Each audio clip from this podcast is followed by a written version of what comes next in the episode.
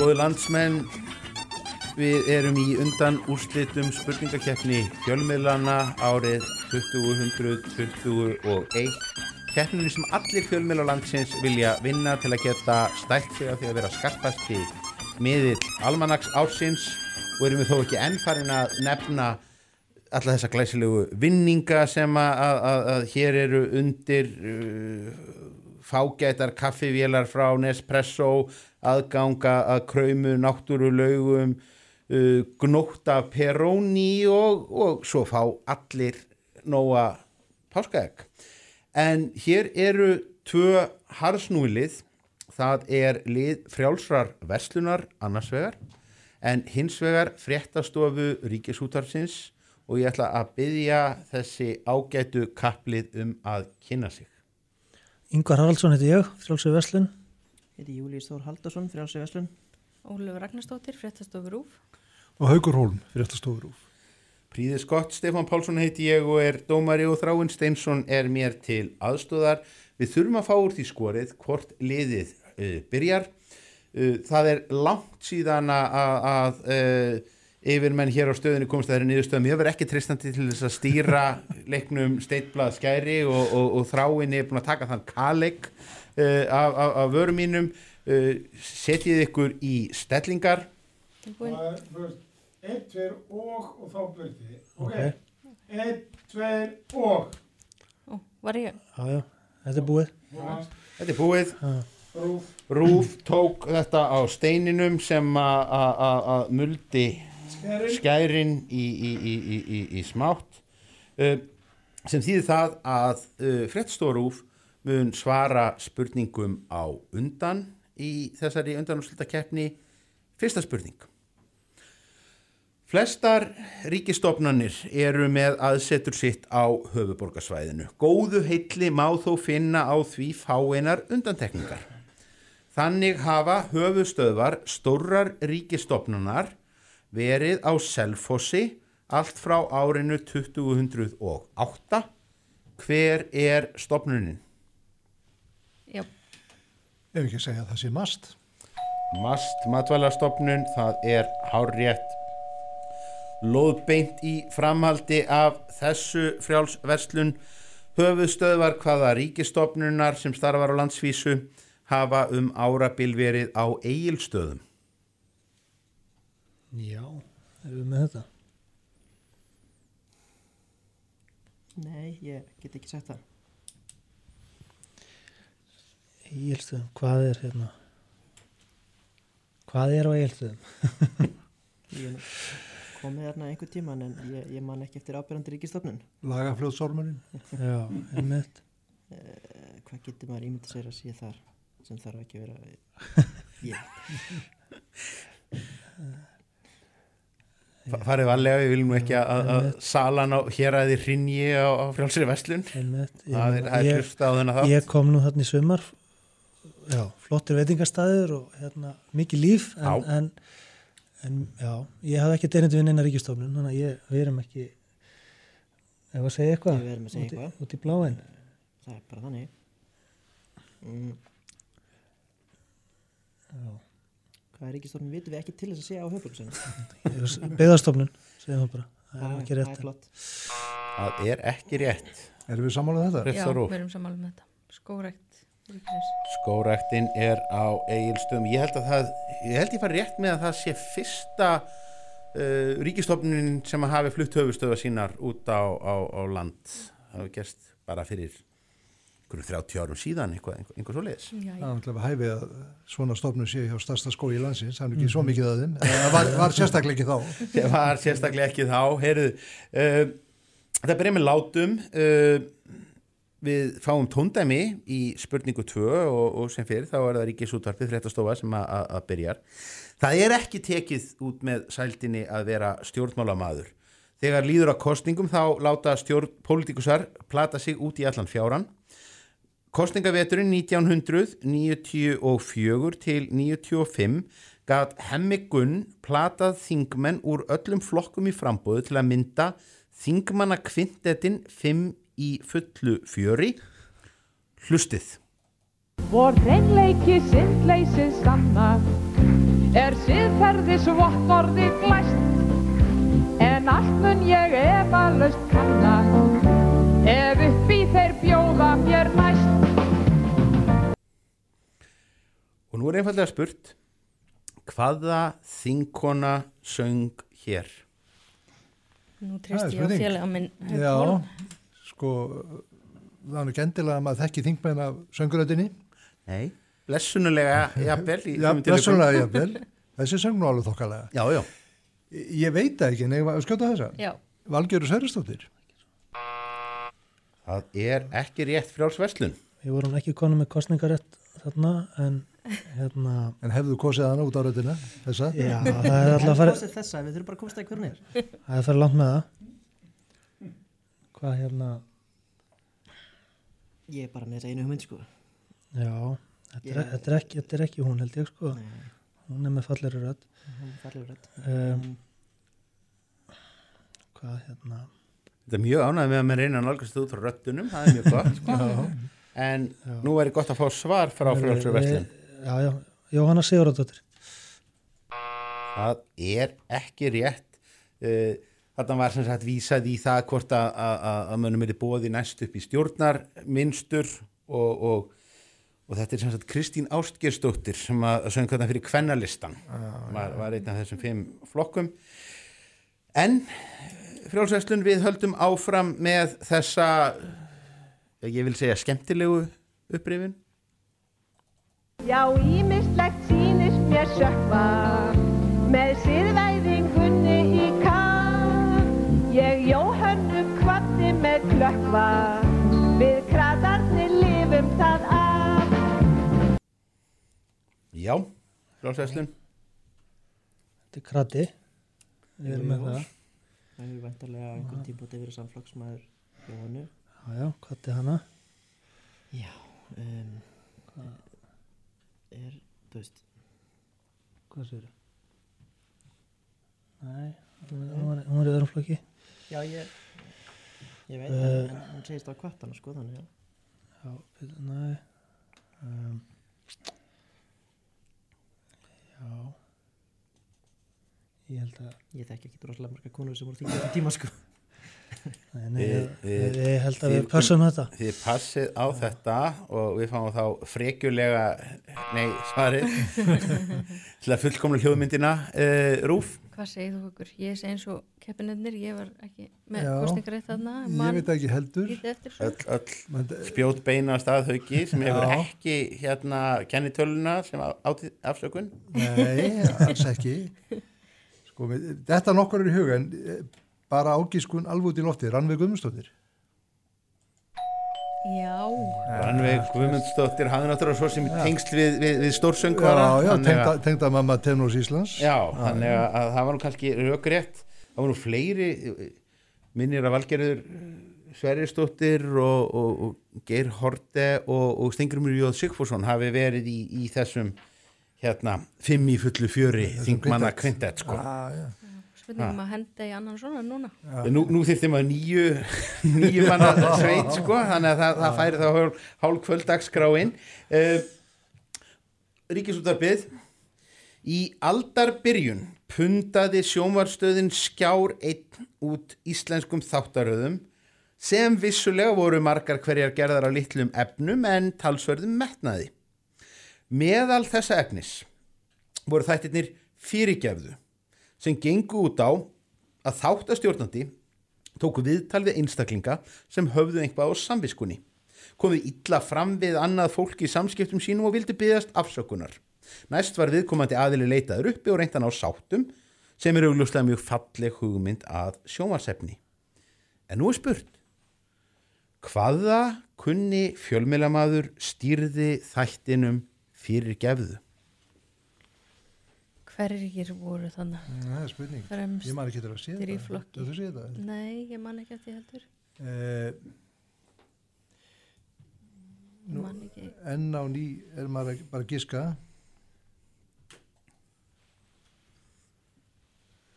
Mér finnst þetta mjög gott gisk. Er það, ef að skjóta það? Það er ekki bara. Vitum við. Ég man ekki hvort það var á sér stöðum, þá var nokkurn veginn búin að vera öllum, ef að skjóta á það. Þóróttur Gunnarsson. Það er ekki rétt en frábær ágiskun, einhvað síður. Heyrðu, Frjáls Veslun. Mér ráma nú eitthvað í þessa þætti, þetta var frábært sjónvarp. Ég held að þetta hafi verið kolgi ykkur á rúf, Felix Bergson.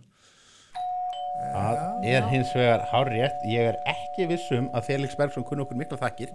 Það rifja þetta upp með alla þjóðin í lockdowni að hlusta á spurningakefni fjölumiluna á bylginni. En Það þarf að koma þess á helstu efnisveitur. Hann er gæðilega maður með fortíð. það er maður með fórn, neini, þetta var, þetta var, var hugljúfur þáttur og þessu tengt og úr því, úr því að spurt er Felix, þá hlýtur næsta spurning að fjalla um Gunna, félaga hans. Gunnar Helgason kom líka við sögu í einhverjum þáttum á skjá einum, þar á meðal þætti sem var grímulaus stæling á bandarískun sjónvastætti. Stóri munurinn var hins vegar sá að allir vissu að þáttagendurnir í þætti Gunnars væru leikarar á meðan að svo var ekki raunin hjá bandarísku fyrirmyndinni. Hvaða bandaríska sjómarsmann var Gunni Helga að stæla á skjá einum? Frjálsveslun. Varst þetta þessu? Nei, ég get ekki sagt það. Þekktur bandarísku sjónvarsmaður um aldamótin. Það er nú ekki droslega stór listi, kannski. Nei, það er mönnum sem, að, sem við getum nefnt. sko en ég, maður hefði nú sannlega munna eftir því að þetta verið reynda að abba þetta eftir Já, Jú. með eitthvað annan ég bara þú veist þess að hérna, nei, ég veit ekki, nei, eh, hérna, hvað heit hann? Ah, Hvað heit hann? Nei, ég, ég maður ekki. Fáum við ágiskun frá Frjálsri Veslun. það fyrsta sem kom upp í hugan er Jerry Springer Og já, það er hár rétt. Rúf gnýstir já, það var akkurat nafni sem koma. kom upp í okkur. Það var nefnilega Gunni Helga var nonni sprengja á, á skjá einum og þetta var mjög fýtt þáttur nema það að, að, að áhörvendur þekktu náttúrulega allar personutnar sem að voru reykja dramasögurnar bara fjölum þjóðleikursins og það dró pínulítið svona úr áhrifamætti sjónvarsefninsins. Vissulega. Uh, gott og vel, þetta er æsispennandi, Rúf heldur þó einstigsfórustu, staðan er 3-2 og Rúf svarar á undan, spurt er um mannsnafn. Það er mögulega fengið úr grísku, en það var frægur rómverskur nafnhafi sem kom því rækilega á kortið og tryggði vinsaldir þess. Rómverskur nafnhafi. Ímsir pávar hafa borið þetta nafn Það er líka heiti á skipi í íslenska flotanum sem hefur rataði fréttir. Áhrifa mikill tansanískur þjóðarleiðtogi bar þetta nafn og einnig bandarískur kommunisti sem var tekin á lífi fyrir njóstnir en er talin fórnalamb réttarmorðs. Og menn með þessu nafni hafa settið á þingi og í borgarstjórn en ekki þó núna. Hvert er nafnið? Það eru ímsar vísbendingar í þessu. Já, ég tapaði sræðinum í spurningunni. Við enda rifjum þetta upp því okkur leikur ekkert á hér á páskadegi. Uh, nafnið er líklega fengið úr grísku en það var sem sagt rómverskur einstaklingur sem að gerði það virkilega frækt og, og, og hefur, hefur viðhaldi vinsaldum þess. Margir pávar hafa heitið þessu nafni. Þetta er skip íslenska flotanum sem hefur rataði fréttir heitir þetta og, og, og það er tansanískur þjóðarleiðtogi, bandarískur kommunisti og við höfum þingmenn og borgar fulltrúa. Er svar á leiðinni frá já. Rúf? Ólöfu með þetta alveg um leið, sko. ætlum að Þetta er rétt, já. ég ská Július Július er hárétt skipið er, skipið er Július Geirmundsson sem að hefur nú verið kannski flestum skipum í, í flotanum meira í, í, í eldlínunni upp á síðkastið og svo höfum við Július Niere og, og, og Július Vívil og Július Solnes og, og þar fram til Og göttum Július Cæsar. og Július Cæsar sem að er nú sennilega ástæðan fyrir því að þetta nafn er ennþá svona stort. Uh, fjögur tvö en uh, frjálsverslun getur minkað munin og aftur spyr ég um karlnarsnafn. Það er til víða um lönd og er til dæmis útbreytt bæði á Norðurlöndunum og meðal enskumælandi þjóða þó að upprunni nafnsins á þessum tveimur svæðum sé ólíkur. Af Skandinövum má nefna frægan danskan fótboltakappa sem átti duglega sinni og Íslendingar hafa átt alþingismann og ráðherra með nef fyrir snjöllum viðskiptafléttum með þessu nafni.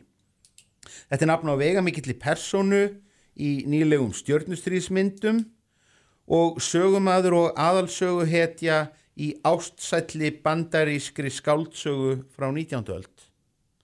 Hvert er nafnið frjálsverslun? Ég, ég datt út hérna eins og haukur á hann sko. Já, þá vill til að ég er mild yfirvald og ég fer hægt og rólega yfir þetta aftur því að þetta er útbreytt uh, bæði á enska málsvæðinu og norræna málsvæðinu þó að það sé reyndar sitt hvort upprunni á þessum tveimur orðum. Af Skandinövum þá er frægur danskur fótboltakappi sem að átti vaska síni sem að hétt þessu nafni, að fornafni. Íslendingar hafa átt alþingismann og ráðherra sá var nú reyndar með nef fyrir snjöllum viðskiptafléttum sem hétt þessu nafni og þetta er vegamikil persóna í nýlegum stjörnustrýsmyndum og sögumadur og aðalsögu hetja í ástsætli bandarískri 19. aldar skáldsögu. Hér er komið nóg af vísbendingum. Frjálsveslun, fáum við svar. Hann er hérna, þú sagði var, var á þeirra sem er nefið. Já, já, fyrrum, fyrrum ráð þeirra sem er nefið, já. með snjöllum viðskipta fléttum sko. Ímsir sem hafa nef og, og jafnvel fyrir Já. viðskiptafléttum. Festum okkur ekki því. En að sjálfsögðu fer frjálsveslun náttúrulega bara beint í það. Já, í fléttunar svo hérna sko svo danski knattspinnumenn það er líka sterkur flokkur. Það er ímsir eftirlætis flokkar á Wikipedia-unni sem Já. eru hérna undir. Sko. Einmitt, ég veit nú bara með danskan sem á ég veit ákvað með einstansk þetta er að þetta í hug sem væri þá kannski stytting á lengra nafni en, en já. Hann, eh, ég veit nú ekki. Fáum við, fáum við svar Ef þú ert með eitthvað annað þá skjóttu bara. Sk- skandinavist og Ég, skandinavist og já, ég veit ekki. Á, Herðu, við segjum hérna Benedikt. Það er ekki rétt. Rúf. Við sem finn eða finnur. Finnur er hár rétt. Auðvitað. Og, og þetta eru náttúrulega Finn Lodrup hérna fadir uh, Lodrup bræðranna og, og Finnur Ingólfsson var nú ráþæra sem að var nú naskur þegar að koma við þetta ekki færum og Stikkilsberja Finnur kemur fyrir í náttúrulega kundri hérna, það var eitt, eitt, eitt og annað sem hægt var að finna. Uh, Við höldum áfram. Um, Fymta viksl spurning Spurningakeppni fjölmiðlana er keppni sem er ekki hrætt við að tala til snem miðaldra fólks. Rúf fréttastofa, við skulum hlusta á smá 80s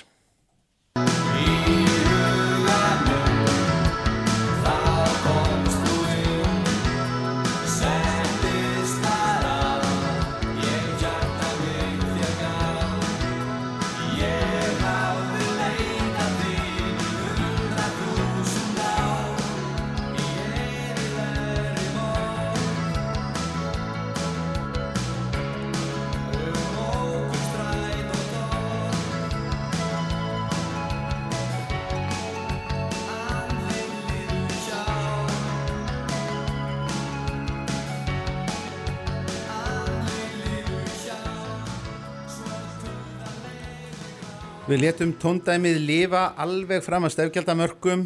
Á nýjunda áratugnum voru ekki allir fluttir á mölina. Heldur gátu vinsælar stuðsveitir gert út frá stöðum úti á landi. Frá hvaða bæ var hljómsveitin sem við vorum að hlusta á? Já, Rúf. ég held ég að lag, Nei, eh, en hún hljómar sem komið frá, hvað er maður að segja? Hvað gerur þau í á þér? Nei, ég get ekki sagt það því miður. Örlíti bjartínuslegt að reyna að giska með á slempi hátt á, á, á, á fjambílistað á Íslandi en, en, en, en, en, en ég ætla ekki að leta ykkur, ég ætla ekki að leta Nei, ykkur. nei, nei. Er þetta veist, Já, hvaðan kom, hafa komið svona það er, Það er náttúrulega mikið okkar besta tónlistu fólki ekki frá Vestmanni, við vitum það. Já, en þú myndir nú þekka það þá myndir nú vita það. Já, e, þannig ég hugsa ekki þaðan e, Þetta þrengir hringin all nokkuð. Við, við, við erum á meilandi Íslands, þetta, þetta er ágætt. er þetta austan, norðan eða vestan já. Og við erum ekki að fara, ég er ekki að fara að leipa ykkur í kontrapunkt hérna. Nei, ok e, Langaði ekki skóka? Það, finnst þess að þetta sé eitthvað að vestan? Já, Mér langar að segja, veist, Ísafjörður eitthvað svoleiðis. ekki bara gera það Já, Giskum á það og það er alveg ekki rámt frjálsverslun. Herðu, hér var, ef að segja þetta, Já, við lutum þá að segja þetta. já, já, við segjum akkurir. Nei, nei, nei, nei. Tengdafjörður Norrfjörðar spyrir sjálfsögðu um, um hljónstina Suellen. Suellen, neskupstaður er, er, er, er, er svarið. Já, já. Eh, en við höldum okkur við landsbyggða pop en fyrir þó aðeins nær í tíma hlustið frjálsverslun.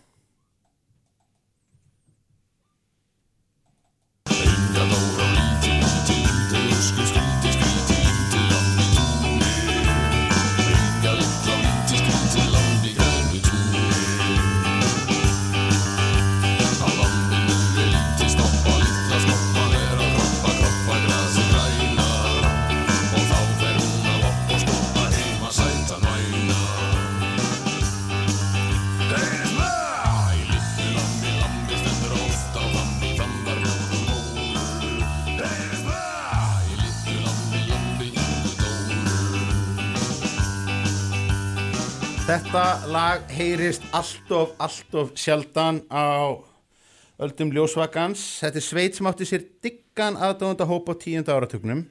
Bandið er Texas Jesus en nafnið vísaði David Kores, kolruglegan spámann sem að brann inni með söpnuði sínum í umsátur í Texas um svipa leiti. Texas Jesus var ekki frá höfuborgarsvæðinu, heldur hvaðan frjálsverslun. Já, við vorum nú fannir að dilla okkur með en Já, ég kannast eitthvað svo við þetta lag úr einhverju barnaefni sem ég sá þegar ég var lítill. Örlítið önnur útgafa en. Já, já ljó, ljóðið er þekkt. Já. Það er ekki, það er, þetta er ekki þeirra, Nei, nei, ég veit að það tengist ekki, ég veist bara skemmtilegt. já, þetta er og bara frábært og, og bara ef að, þú varst minni þarna. Já, þetta kannski að nokkrum út? sentimetrum. Já, en erum við með tjafnbílistæða? Sko nú geti að, já, ég er ekki bara að skjóta í bláin. Ég held að við verðum að gera það. Já, já, já, ekki bara, er Húsavík. Húsavík er ekki rétt svar, hefur rúf, Ertu með hugmyndið eða við erum að fara að giska eða hvað. en nefn þú vitir Ég veit ekki. Ja, við ætlum að skjóta á Keflavík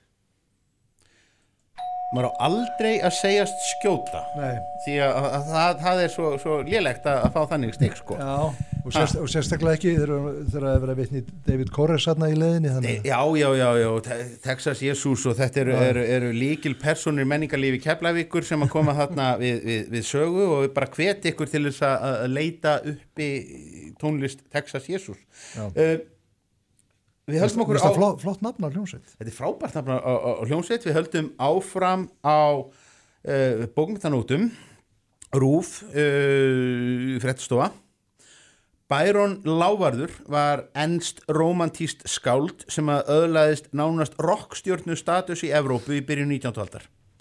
Fræð hans byggðist ekki nema hluta á ljóðum hans sem voru þó í miklu metum. Heldur miklu frekar á glæsilegu útlitinu, ævintýralegum lífstílnum og endalausum hneikslisögum um ástarmál og önnur ævintýri.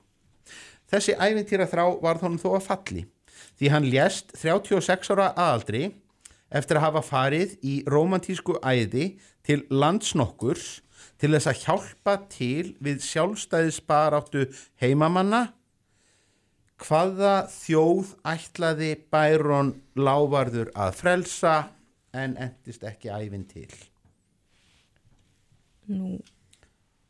erum við aðeins að hérna Já, nú erum við að hugsa. bera saman já, bækur já, já, sem, sem, sem vera ber vitum við hvaða, hvenar þetta var cirka byrjun 19. Já. aldar öðlast hann þennan status sko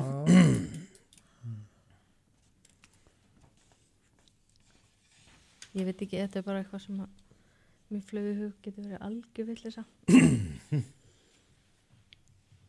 Já, ég hugsa með að það færi lengra. já, Ég veit ekkert hvort þetta sé rétt eins og það er. Það getur alveg þetta sé rétt, en ég held að hann hafi farið, herðu, jú ef að segja, já það er ekki bara. jú Tyrkland. Tyrkland er ekki rétt hvað Nei. segir frjálsveslun Við heldum að það hafi verið vinnir Tyrkja í Greiklandi. Vínir Tyrkja er svona eitt orðið yfir það en, en, en það var einmitt sjálfstæðisbarátta Gríkja sem að var einmitt gegn ottomunum og þetta endaði allt í ósköpum og hann var, var sallaður hérna niður mjög fljótlega Við varum nálægt í. já, mjög Samt svo langt í burtu.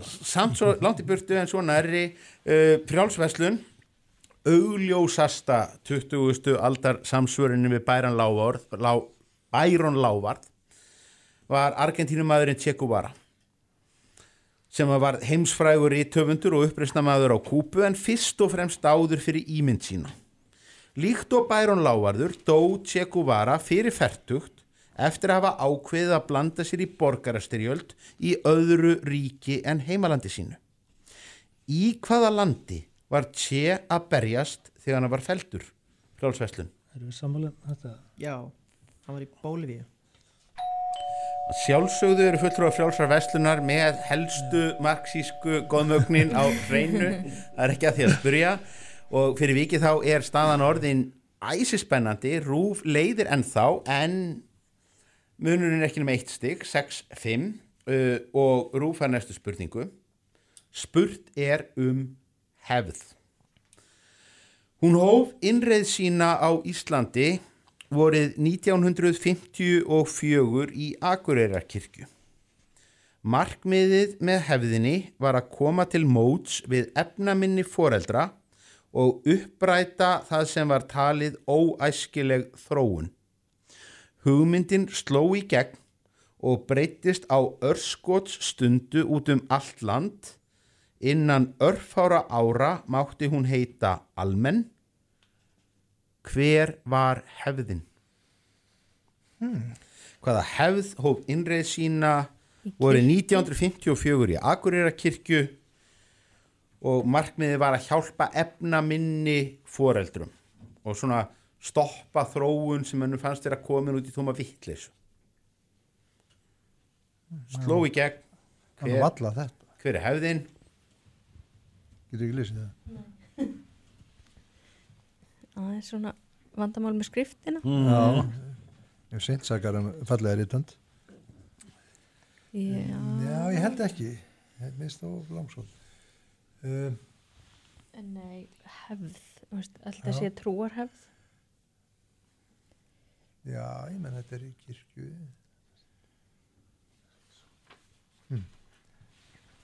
en ég veit samt ekki hvaða vitleysu nú væri ágætt að fá svar frá Já, almanúþarpinu það verður rosalega gott að hafa svar. já, Uh, nei, sko, þetta er náttúrulega eldra. já Uh, eigum við þá bara að segja þetta já, segjum nú það bara. og gott að fá svar Já. Já. við ætlum að segja matargjafir það er ekki rétt frjálsveslun Þá er þetta eitthvað siðferðis tengt. Hvað hérna þeir efna minni? og Ég held að þetta hljóti að skulum- tengist einhvern veginn einhvers konar uppeldis hlutverki eða einhvern veginn verið að Já, inn í eitthvað en, en nákvæmlega með hvað hætti er kannski Já, við viljum, viljum nú fá svar bara svona nokkur fljótt frá setna liðinu alltaf. ok um, Hvað er að segja? eigum við að Nei, segja þetta- eh, nei, þetta er eldra. hitt frekar þá Já, já. Það er sunnudagaskólinn, hann byrjaði þannig. Gríðileg ágiskun, en það er Mm, ekki rétt. Við erum náttúrulega á þessum fermingar ástíma. Nei. Þetta eru fermingakirtlarnir. fermingja Ah. Það að klæða börnin í hvíta kirtla vegna þess að árin þarna undan þá hefur mann haft orð á því í blöðum að þetta væri farið að breytast yfir í tískusýningu og þetta gengi allt út á það að, að Eh, sumir foreldra væru jafnvel farnir að fara með börnin bara landa á milli til að dressa þau upp til þess að sína þau fyrir söfniðunum og þá var kirtillin kynntu til sögunar og hann sló svona rækilega í gegn. Ólöf var með fermingatengingu þarna. Já, var fermingatenging, það er vorið sko, vorið er dáltil tenging. Heyrðu, en við rifjum upp aðra hefð. Frjálsverslun er á undan. Og þetta er reykvísk hefð sem að byrjaði árið 1952 þannig að þetta eru hefðir frá sjötta áratökum fyrirmyndin var fengin frá Lundunum fyrirmyndin var fengin frá Lundunum árið 2015 var hins vegar tilkynnt að ákveðið hefði verið að afleggja hefðina þar sem hún væri orðin óþörf. Hvaða hefð er þetta? Þú sér. Við skulum rifja þetta upp. Þetta er reikvísk hefð sem byrjaði árið 1952 uppalega reynda að fengja frá Lundunum og svo var hún bara slegin af 2015 að því að hún væri orðin óþörf Já. hér, hér, hér segja mér mikið já og, og, og, og samsinna og eru ánæði með giskið og þá verið gott að heyra það upphátt hvað Já. segir, Við, við vildum nú ekki grípa fram í fyrir þér. hvað segir frjálsvæslu Hérna, um, erum við, já, ertu að tala um hérna í, Já, ég veit ekki hvernig er best að orða þetta nákvæmlega en eh, þú veist hvað ég er að tala um. Já, er þetta hérna, sem sagt, heimsóknir hérna, eða kirkju, tengsl kirkju og, og skóla. Gjafa, var ekki gjafa, það er bara ekki rétt rúf. Ég er búin að vera að brjóta heilan alveg Já. sko með bara 2015 ekki mjög langt síðan var þetta lagt af þótti óþarft En Þetta er í hug sko hvort að þeir hafi verið nærri lægi og við séum að tala um uh, að hérna, Gefa- að gefa og gjafir. svoleiðis. það er heldur ekki rétt aftur, við erum á við erum á jólatímanum frá 1950, 1952 þá var í fyrsta sinni kveikt á Osloar jólatrénu í Reykjavík Já, já. sem var hefð frá, frá Lundunaborg sem hefði fengið tré frá þrántemi svo komist menn bara þeirri niðurstöðu hér fyrir fimm árum síðan að Ísland væri orðið sjálfu sér nægt um framleiðslu jólatrjáa og það væri bara ekki þörf á þessu lengur Nei, og, og strítið meiri segja gegn svona loftslags Já, já, þannig að það þýrst ekki að, koma hérna yfir með einhvern, einhvern sendiherra til þess að kveikja. Þannig ekki um þau eigum nú bara norskan skó í heiðmörg. Já, þannig að þetta eru bara ram íslensk ram íslenski norskir eh, nýbúar sem að, að eru notaðir á Austurvelli. Uh, við fáum tóndæmi uh, Rúf hlustið á undan, við heyrum torkennilegt tungumál. A dyma Wilbert Lloyd Roberts yn rhoi sgript i mi, nes i ddarllen y sgript yn syth bin, a mi ddudodd o, wel, mae hwn yn actor. Dim gwybod sut oedd yn gwybod hynny, ond uh, mi oedd hwnna'n broffwydoliaeth gywir iawn oherwydd be ddigwyddodd wedyn i neidio ymlaen chydig bach. Mi ddoes i yma i Gaerdydd yn 1960 i fynd i'r coleg cerdd a drama. Nid i ddysgu sut i actio fel mae'n digwydd, ond uh, i ddysgu sut i fod yn athro drama. A gyda llaw, mi roedd y coleg yn y castell yma. Hierfan Maellt, á evrósku tungumáli sem um 850.000 manns tala. Íðgendurnir búa allir í sama landi. Þetta er ekki meiri luta tungumál í landinu en staða þess er tryggð með ýmsum hætti. Hvert er tungumálið? Út í elendu fréttum. Já, nú mikil pressa. Ég skildi ekki orða því sem maðurinn sagði. þessu. Nei, ég er í undrandi ef þið, ef þið getur snarað þessu. Já, hvernig sko, mér finnst nokkuð komið til greina, mér líst vel á þetta. Svo líka til þetta sem að tengi sko. Já, og líka hérna sem sagt, uh, þetta, Já, já. þetta Nú, að því þú ert nú fullur úr ellen deildarinnar hérna, þá leif ég þér að... eiga- Haukur þvær hendur sínar, algjörlega. hleypur undan ábyrð en Já. gott og vel. Já, já, þá ætla ég að bara að hérna, taka þetta á mig og gíska á að þetta sé hérna geilig, eða sérst, ég veit ekki hvað er alveg á íslensku sem er í gamla íska, Keltneska þá? eða? já, já, gamla írska, írska, írska tungumálið það er ekki rétt. Fáum við svar frá frjálsri Vestlun Það er að sjálfsögðu velska. Þetta er að sjálfsögðu velska það er gorgir í, í, í, í, í mönnum.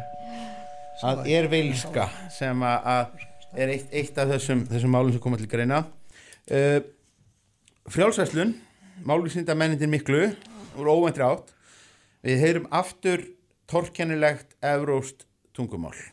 Apa, egunon, eh, nire izena Jonander da, hogeita sortzi urte ditut, em, Euskal Herritik nago, nator, eta, bueno, nire herria eh, getxo deitzen da, Bizkaiko kostaldean.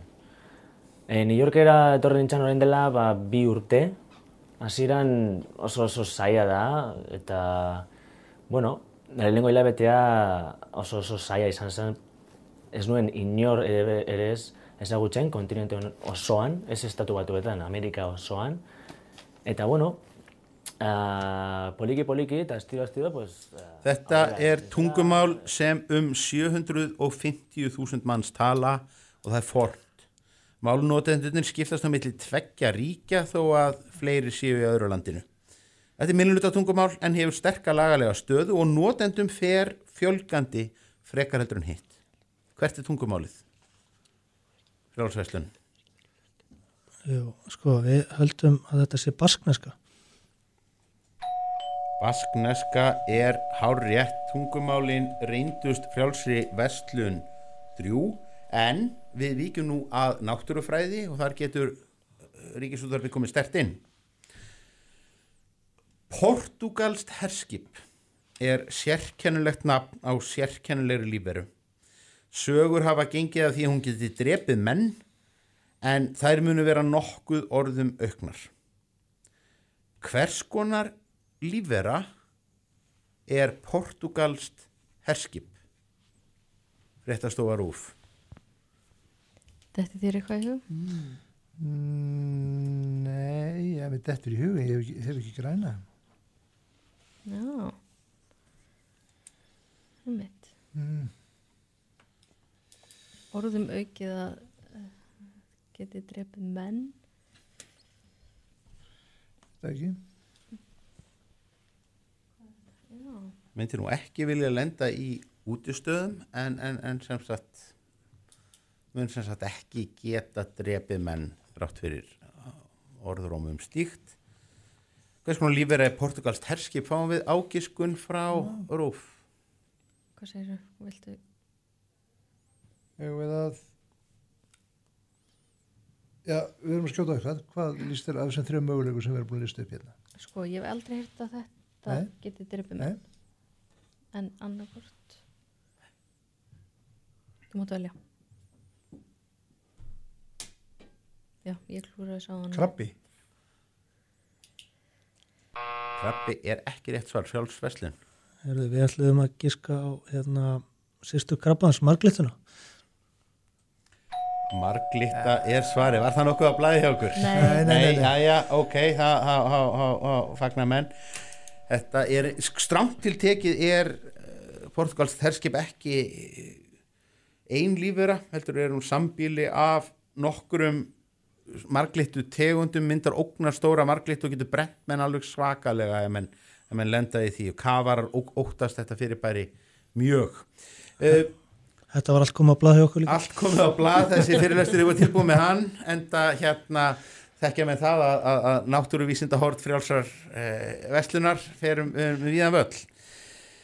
Eh, við spyrjum enn um nöfn á lífverum sem hafa vísun í Evrópuþjóðir hvers konar lífvera er hvítur ítali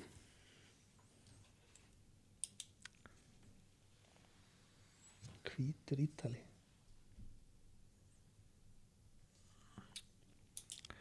Nú held ég að við...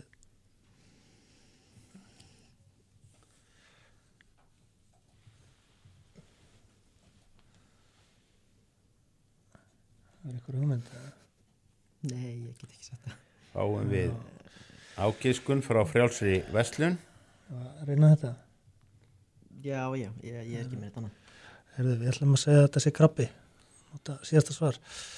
og það er ekki rétt Rú, nú er talsett, nú er talsett undir hjá ykkur Já, já, já. Við erum þess að vandrast með sko gísk hvort Já, við veitum ekki hvort að sko það sem við ætlum að giska á hvort að það eh, sé, sé skilgreint sem lífvera ég veit ekki lífur eru plöndur væntalega. Ég var að segja þetta eða? Þetta er afar spennandi Nei, ég held ekki. Ég held ekki. Nei, nú skulum við bara fá ágiskum frá ykkur eða, eða það bara- besti náttúrulega bara að fá hárétt svar Það, ef við að segja bara þetta, Já, já, sníl. það er ekki rétt hvítur ítali er nú bara hænsnategund og algengasta tegundin af, af, af, af hænsnum. Já, ég, já, já, ég hirta þetta, það er þar með liggjar, þar með er ljóst að frjálsveslun hefur skotið sér í úrslitaleikin Ríkisútvarpið getur þó rétt sinn hlut uh, örlítið með því að svara rétt námundunar spurningunni sem er sérdeilis snúin að þessu sinni. Og hlusti nú vel Sektar reiknir lögraklunar er skemmtilega græja og getur haft mikinn fælingamátt ef maður kynur sér efni hans og sektarfjárhæðir. Stillum upp ímynduðu dæmi. Hjón ákveða að skuttla tíu ára barni í bíó á samt þremur bekkarfélögum þess í venjulegum fjölskyldubíl. Hjónin sitja fram í og eru rækilega spennt í bílbelti en af því að þau eru upptekin við að hlusta á spurningakefni fjölmiðlan á bylgjunni hugsaðu ekkert út í að það er einum gríslingi of mikið í aftursætinu og það sem verra er engin af ormunum hefur fyrir því að spenna öryggisbeltið. Á ljósum á sæbrutinni sjáðu blikkandi blá ljós í baksinni speklinum og nú er spurt hver er sektin fyrir þetta margfalda umferðalaga brot?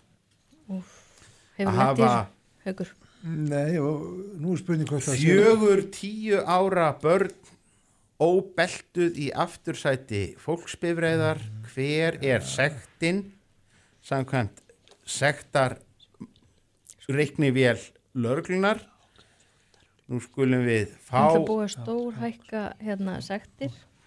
Þetta er, ég, ég, við, við mælum ekki með þessu fyrir, fyrir nokkuð og ekki bara af efnaðarslegum ástæðum heldur líka bara út frá umferðarauki sjónamiðum en Já.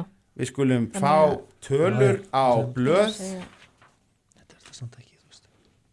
Af því að það er einum og margir og bæði Ekki lið bara. kvitta og liftiði upp. svarblæðinu fæ ég svar frá Nei. Frjáls. Bæði lið giska á 150.000 krónur sem er áhugavert og gott að þessi spurning var ekki nöðsileg til þess að, komast að, að loka niðurstöðu. Liðin voru furðu nærri réttu svarið því að það er 140.000 krónur. Það eru Já. 20.000 fyrir aukafarþegan og 30.000 krónur fyrir hvert farþega undir 15 ára án beltis. Þannig að bara ekki. Uh, Bæði lið fá stig að því að ég er svo mildt yfirvald og loka tölur eru þar að leiðandi uh, 9-7 uh, fyrir frjálsri vestum sem er komin í úrslutaleikin en rúfólk getur borðið höfuð hátt í þau uppskera páska ekka launum. Takk fyrir.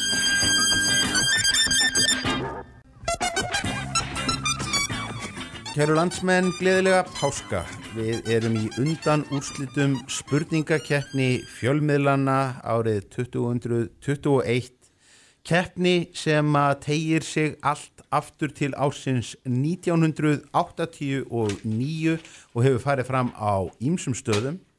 Sigur vegarar uh, hafa alla tíð geta stært sig af því að vera skarpasti miðillinn það almanags árið en auk þess er til góðra vinninga uh, að- að að- að keppa. Það er glæsilegar kaffivélar frá Nespresso fyrir Sigurvegara það er aðgangur í kröymu, náttúru, laugar ókjörin öll af, Peroni. Og, og síðan eru, eru gómsætt uh, nóa páskaegg fyrir, fyrir alla keppendur. Þannig að, efnishyggju þættinum er sint vel, en fyrst og fremst sínst þetta um heiðurinn. Stefán Pálsson heit ég. Ég er spurningahöfundur, dómari, spyrill og sinni öllu því sem að Þráinn Steinsson tæknimaður gerir ekki Og þessari svolítið keppni. bestur í sjönda áratögnum líka.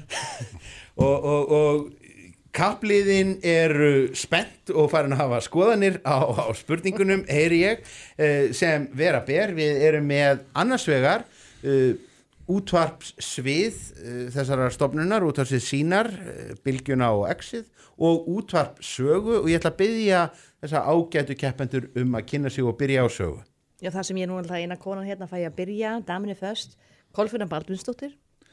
Og ég heiti Magnús Þór Hafsteinsson. Ég heiti Frosti Lóasson og það gleður mig mjög að vera með ykkur hlustundum bylgjunar hér á þessum fallega páskadegi.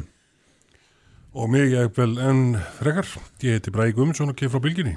Já, heyrðu, þetta er, menn eru hér á, á, á heimavelli, það er, er spurning, þið eru náttúrulega sitjandi meistarar sínar menn, er, er, er þetta heimavöllin sem skiptir svona miklu máli, að hafa mikrofóna sem að þið eru, eru vön venjast súrhefnisstöðunni sem að gæti nú alveg verið betri hérna inni sannast, sannast sagna Já, það, já, það hlýtur að hjálpa sko. Það er allt öðru sem heima hjá ykkur. Já, já. Við, svo er það þannig að við erum nú meira, hérna, meira og minna hér allan sólarhengin, alla daga vikunar og all, allt, allt árið um kring sko. orðin, orðin samdöna þessu Já. Heyrðu príðilegt uh, við skulum ekki hafa mikið meira málaði um þetta að sinni. Við þurfum að fá einhvern veginn úr því skorið hvort liðið hefur keppni því að við keppum jú með víksl spurninga fyrir komulagi þar sem að svarréttur gengur á milli.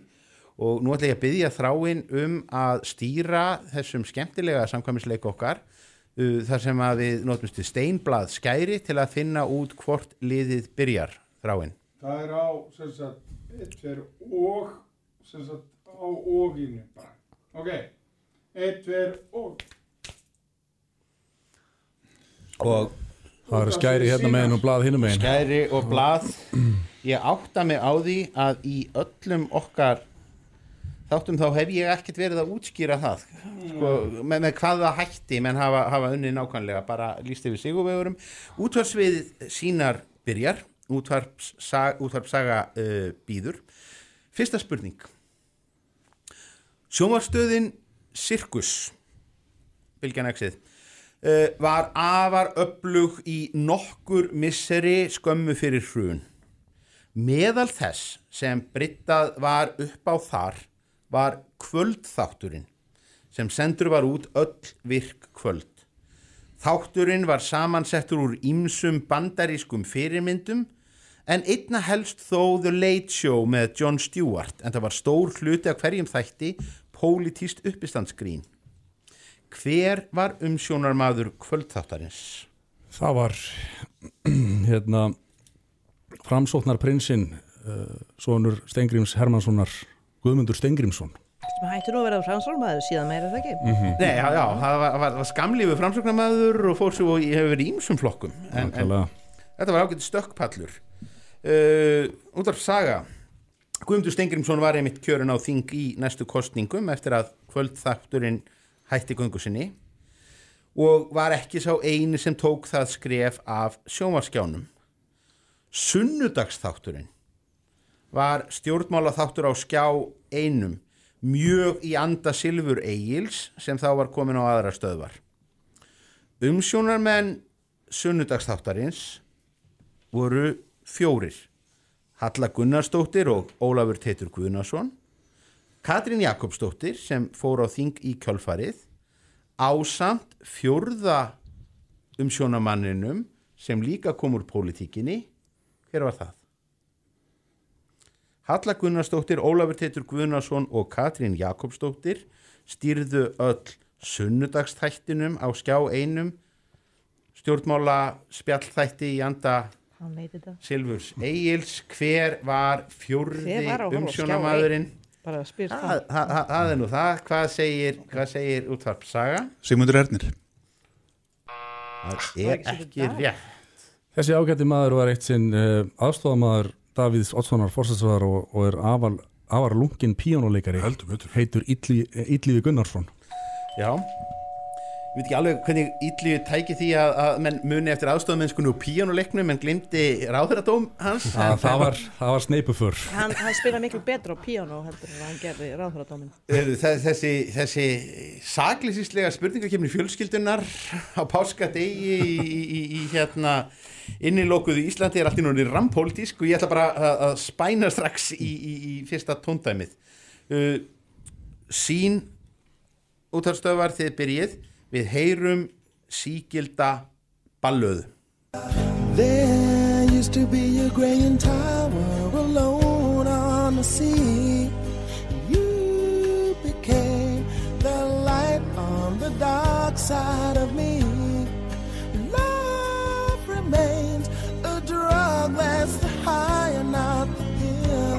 Ég sé það alveg á svipnum og hann er búin að vera úti svo lengi að hann tekja become a light and the light that you shine can't be seen. Baby, I can bring you to a kiss from a rose on the grave. Ooh, the more I get of you, Við spilum þetta lag akkurat nógu lengi til þess að Síl fái stefgjöld þetta, er, þetta, þetta, þetta er mjög gott. Uh, en tónlistamannu Síl gaf sem sagt út lagi Kiss from a Rose árið 1994 það vakti takmarkaða aðtikli en árið eftir var það notað í kvikmynd í vinsælum myndaflokki með þeim afleðingum að það tilti sér á toppa metsölulista um allan heim hvaða myndaflokkur var þetta? Batman My god, nú erum við loksins farin að hitta þessi kunna sér fag. Batman, þetta var nála til ekki Batman Forever og, og, og, og hérna munið í hvaða mynd þetta hafi verið notað fyrst? Þetta var nefnilega uppalega sami sem kvikmyndalag en, en fyrir aðra bíómynd. Var það City of Angels eða eitthvað svoleiðis? Nei, þetta var nú ekki svo glamurust þetta var fyrir Neverending Story 3 sem að held ég hafi nú ekki ræta mikið meira heldur en á vídeolegutnar Mhm. mm og svona beint í sjónvarp. En, en En hvað er sakfræðin, Stefán? Þetta er, þetta er mjög sakfræðilegt Já, þetta er mjög sakfræðilegt. Stór hluti hlustenda okkar kemur hér algjörlega fjöllum Mhm. en við höldum okkur við með sölu lög tíunda áratúarins Þa, það er mjög sakfræðilegt Ómátt, við kunnum ekki til svoleiðis. Hlustið útvarp saga og ekki, ekki dæmi ykkur of snemma Hlustið útvarp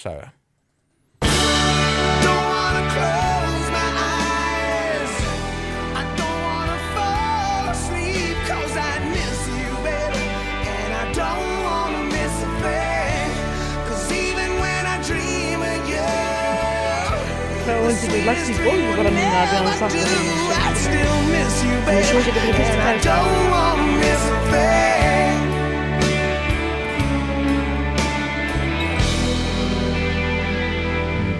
Já, árið 1998 útvarpsaga þá var þetta vinsælasta lag hljómsveitarinn Aerosmith fyrir og síðar. Þær vinsældir voru beintengdar vinsældum kvikmyndarinnar sem að lagið var samið fyrir. Hvaða Hollywood mynd státaði af þessu lagi árið 1998? Almáttur Ég, ég- sé að Frost er að glotta, að hann veit þetta. Um, 1998 var ég 28 kást þú gammal. Ég bara manna það ekki Ok, hvað hva Það er ekki góður uppáhaldspunktur. Það var löngu eftir flastans og grís, er það ekki? Mm Já, ég eftir það bara hef ég hægt að horfa á sjónvarp, bara ég bara hef ekki hugmynd um það. Ég horfi ekki á bíómyndi með svona lögum í Þannig að við gefum Ég held að við fáum ekki svar við þessu en ég er mig Nei. grunar að við fáum svar frá Bylgjunni og Exinu eða hvað. Já, já. Stórkvæmst nafn á þessari mynd by the way. Já, þetta er hansi líkt hérna útastættinu útastættinum sem að ég stýri Já, hérna hér. Það er Þetta er úr Armageddon. Já, hér þarf enn og aftur að taka fram að spurningum í þessa þætti er raða niður áður en ljóst er hvaða lið keppa hvar. En nota bene, útastátturinn heitir ekki höfuð á þessari mynd sko. Nei, heyrðu, þá, það er mjög gott að ná að loksins að leiðrétta þann, Já. þann hérna útbreyta miskilning. Heitir hann það ekki bara í höfuð á þessu orði sem kemur fyrir í Í biblíu? Jú, jú. akkurat En- Rétt sem þér Kolfinna Ef, ef, ég, ef, ég, ef, ég, ma, ef ég man rétt þá var þetta mikið drama um vaskan hóp gemfara sem að springir upp uh, Loftstein sem að á loftstein leiðinni sem að ógnar jörðinni sko. ha, þannig að þetta Gæti gerst. Gæti gerst, gæti gerst og þá er nú gott að hafa gott soundtrack ef að maður þarf að, verja, því.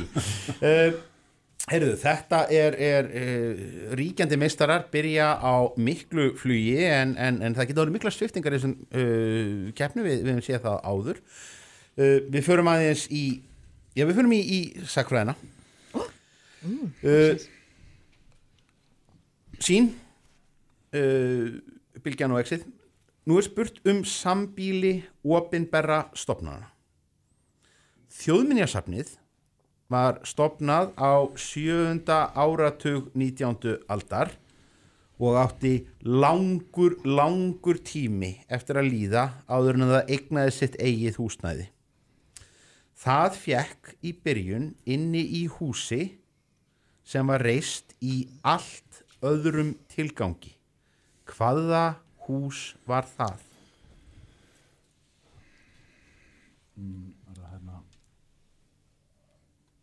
hús sem var reist í allt öðrum tilgangi og syndi allt öðrum tilgangi en skaut skjólshúsi yfir þjóðminniasafnið Við ætlum að hérna, skjóta og þetta sé safnahúsið í hverju skutum. Nei, sko það verður að spyrja hvar Já, það- hvað átti sér heimili fyrst. Já, í, í, alveg í Ha. byrjun, saga Alveg upp að alþengisúsið Það er ekki heldur. Málið er nefnilega að þetta er enn eldra heldur en alþingishúsið uh, Þetta var á uh, hérna lofti Dómkirkjunar Já. Þannig að Já, Dómkirkjan, nefnilega. Dómkirkjan er, er, er, þar, þar byrjaði þjóðminnarsafnið uh, útvarsaga Það hefur verið svo lengi tíðkast á Íslandi að koma stofnunum á laggirnar án þess að þær hefðu húsnæði. Háskólinn er stopnaður 1911 en þá höfðu yngar ráðstafanir verið gerðar í hans húsnæðismálum. Hvar starfaði Háskóli Íslands fyrstu árin? Þingúsinu, alþengi Alþingi á, le, leifum Magnúsi að- að að ráða þessu, hann var svo ákveðin í þessu. Mhm. það var, var í, í Það alþingishúsinu er gott að hafa já, á- ákveðna Þjóðminjasafnið var það líka, var það ekki hjá mér? Eh, Þjóðminjasafnið hefur það þá verið, verið, verið mjög stutt og, og, og tímabundið en, en, en Æ, fyrst ok, og fremst já. en, en uh, það er uh, bráð skemmtileg undan úrslita keppni hér milli uh, bylgjunar og exins annars vegar en útvarps sögu hins vegar. Staðan er fjögur eitt fyrir uh, útvarps sviði sínar. En nú víkjum við að bókmentum uh, Bylgjan exið spurður um rítverk Það var skrifað öðrum þræði sem pólitísk satýra á tímum þar sem að hættulegt gætt reynst að skrifa um stjórnmál öðruvísi en undir rós. Um leið var höfundurinn að hæðasta bókmentagrein sem naut mikill að vinsælda í hans tíð en þótti ekki fín pappír. Það er því kaltæðnislegt að bókin sé í dag oft talin frægasta dæmið um þessa sömu tegund bókmenta. Verkið skiptist upp í nokkra hluta og það er einhverjum tveir þeirra sem að fólk hefur lesið og þá sjaldnast í upphaflegu útgáfunni heldur í endursögnum eða í gegnum vísanir í sjónvarpi og kvikmyndum. Í hinum köflunum gerir sitt hvað merkilegt, til dæmis hittir aðalpersonan fyrir þjóð hesta sem eru mannlegir í hegðun og ofur gáfaðir en líka manneskjur sem eru skinnlausar skeppnur. Hvert er rítverkið? Viljan og Exið spreita sig fyrst á þessari spurningu. Gætur þú endur tekið síðustu settinguna? Sjáum til ef að, ef að, ef að, að, að þess verður, verður þörf. Ekkert svona Tvo, já, við skulum fá síðustu setningur endilega og býður upp á það. Já, sem sagt, uh, flestir þekkja tvo kabla í þessari bók, en svíðan eru fleiri kablar sem eru minna rifjaður upp og í einum af þeim þar til dæmis hittir aðalpersonan þjóð hesta sem eru mannlegir í hegðun og ofurgáfaðir en síðan eru þar líka manneskjur sem eru skinnlausar skeppnur. Hvaða bók er hér um að ræða? Hver á að svara fyrst? Fyrst eru það þeir uh, þeir Bilgju og, og X-Men Um, þetta, já, já, er skrifað sem satýra.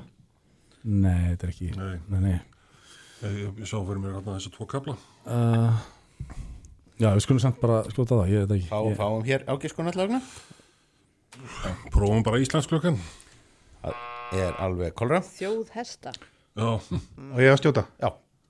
Ferðir Gúlivers? Þú þurftir ekki að skjóta á þetta Þetta Nei, var bara, hann bara- vissi þetta bara Málið er að, að, að flestir þekkja svona kaplana þegar að Gúlifur hittir Rísana og þegar hann hittir Putana Svo eru skringilegri kaplar eins og þegar hann hittir Hestaþjóðina og þar eru ægilega úrkynjaðir menn sem að lifa nú reyndar helst í dag vegna þess að þeir hétu Jahúar sem Mhm. að aftur gata af sér eh, kunna leitarvél sem að mörg okkar notuðum hérna fyrir nokkrum árum síðan. Uh, Útálsaga með bókmyndirnar á hreinu. Við spyrjum aftur um ritverk og að þessu sinni svarið þið á undan. Og þetta er líka ritverk sem að flestir þekkja af endurgerðum eða úr sjómvarpi fæstir hafa lesið upprunalegu útgáfuna. Sú útgáfa er öllu lengri heldur en sú útgáfa sögunar sem að við hinn getum endursagt. Meðal þess sem er sleft í endurskoðuð útgáfun er frekar leiðinlegu umfjöllun um það þegar að söguhetjan er hreft í þrældóma márum sleppur úr haldi á samt ungum pilti en ákveður síðan sjálfur að selja þennan litla vin sinn sem þræl. Í öðrum kabla sem að oftast er sleppt líka eignast söguhetjan plantekuru í Brasilíu og auðgast vel á henni og í blá lokin segir frá bardaga söguhetjunar við Ulfa í Pírenafjöllum þegar hann er á leið þar um með auðafi sín. Sagan byggist mjög lauslega á sannsögulegum atbyrðum hvert er rítverkið út af saga? Og þú sagði að þetta hefur verið gert í sjóanstættum og, og bíómynd. menn hafa séð þetta í sjónvastáttum, menn hafa séð þetta í bíómyndum menn þekkja þetta úr endur sögnum þetta er eina af þessum sögum sem að mjög fáir hafa kannski lesið í frumgerð og oft komum kannski svona batna útgáfur meira heldur en, heldur en uh, svona harða frumtekstan útvarp saga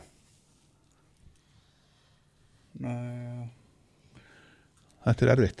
Já, það, það kemur illa á að hafa ekki hort nú mikið á sjónvarp svona þegar maður fyrir í spurningkeppni á þér, Já, Stefán. það er það, við erum öll hérna í lámenningunni og úrkynninni en, en hérna fáum við, fáum við ágiskun frá útvarpi sögu eða Nei, ég Já, veit ég var það- náttúrulega bara að segja Game of Thrones na- eða na- Vikings eða eitthvað slíkt sko, að því að það er búið að stela svo mikið úr okkar Ég- get uh, skotið á Don Íslendingasögum. Quixote. Það er skotið á Don Quixote, það er góð ágiskun er ekki rétt Nei. Hvað segja útvarpsmenn á sín? Lesi Já, frumtextan. Þetta er snúið sko Þetta er, og hún var enda að mára þannig að þetta er eitthvað Gamalt. eitthvað, eitthvað frá hérna, eitthvað Og reynust þeirra frekar ömulega náungi þar sem að, að, að hann og vinur hans eru frelsaðir og hann svo selur hann vinin í þrældum Mhm. Það er- Ekki til fyrirmyndar Ekki Sem til fyrirmyndar Ljótt að heyra. Þetta, kannski eitthvað svoleiðis.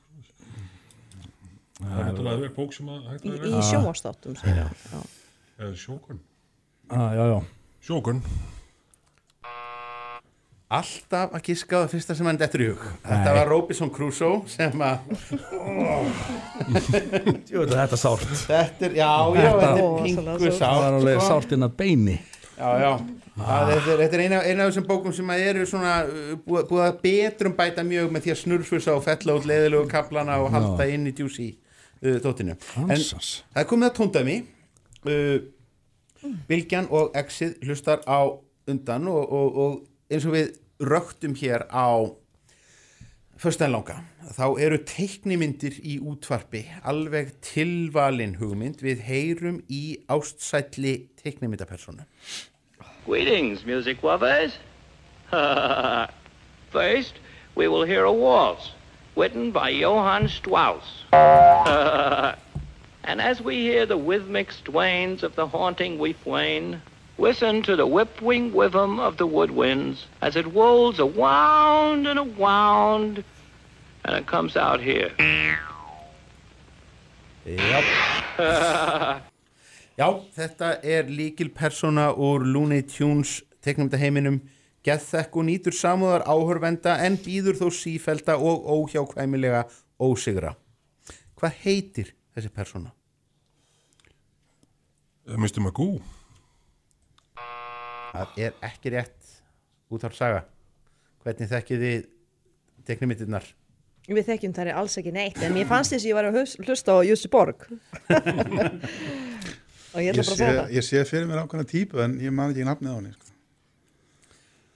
Sján blái.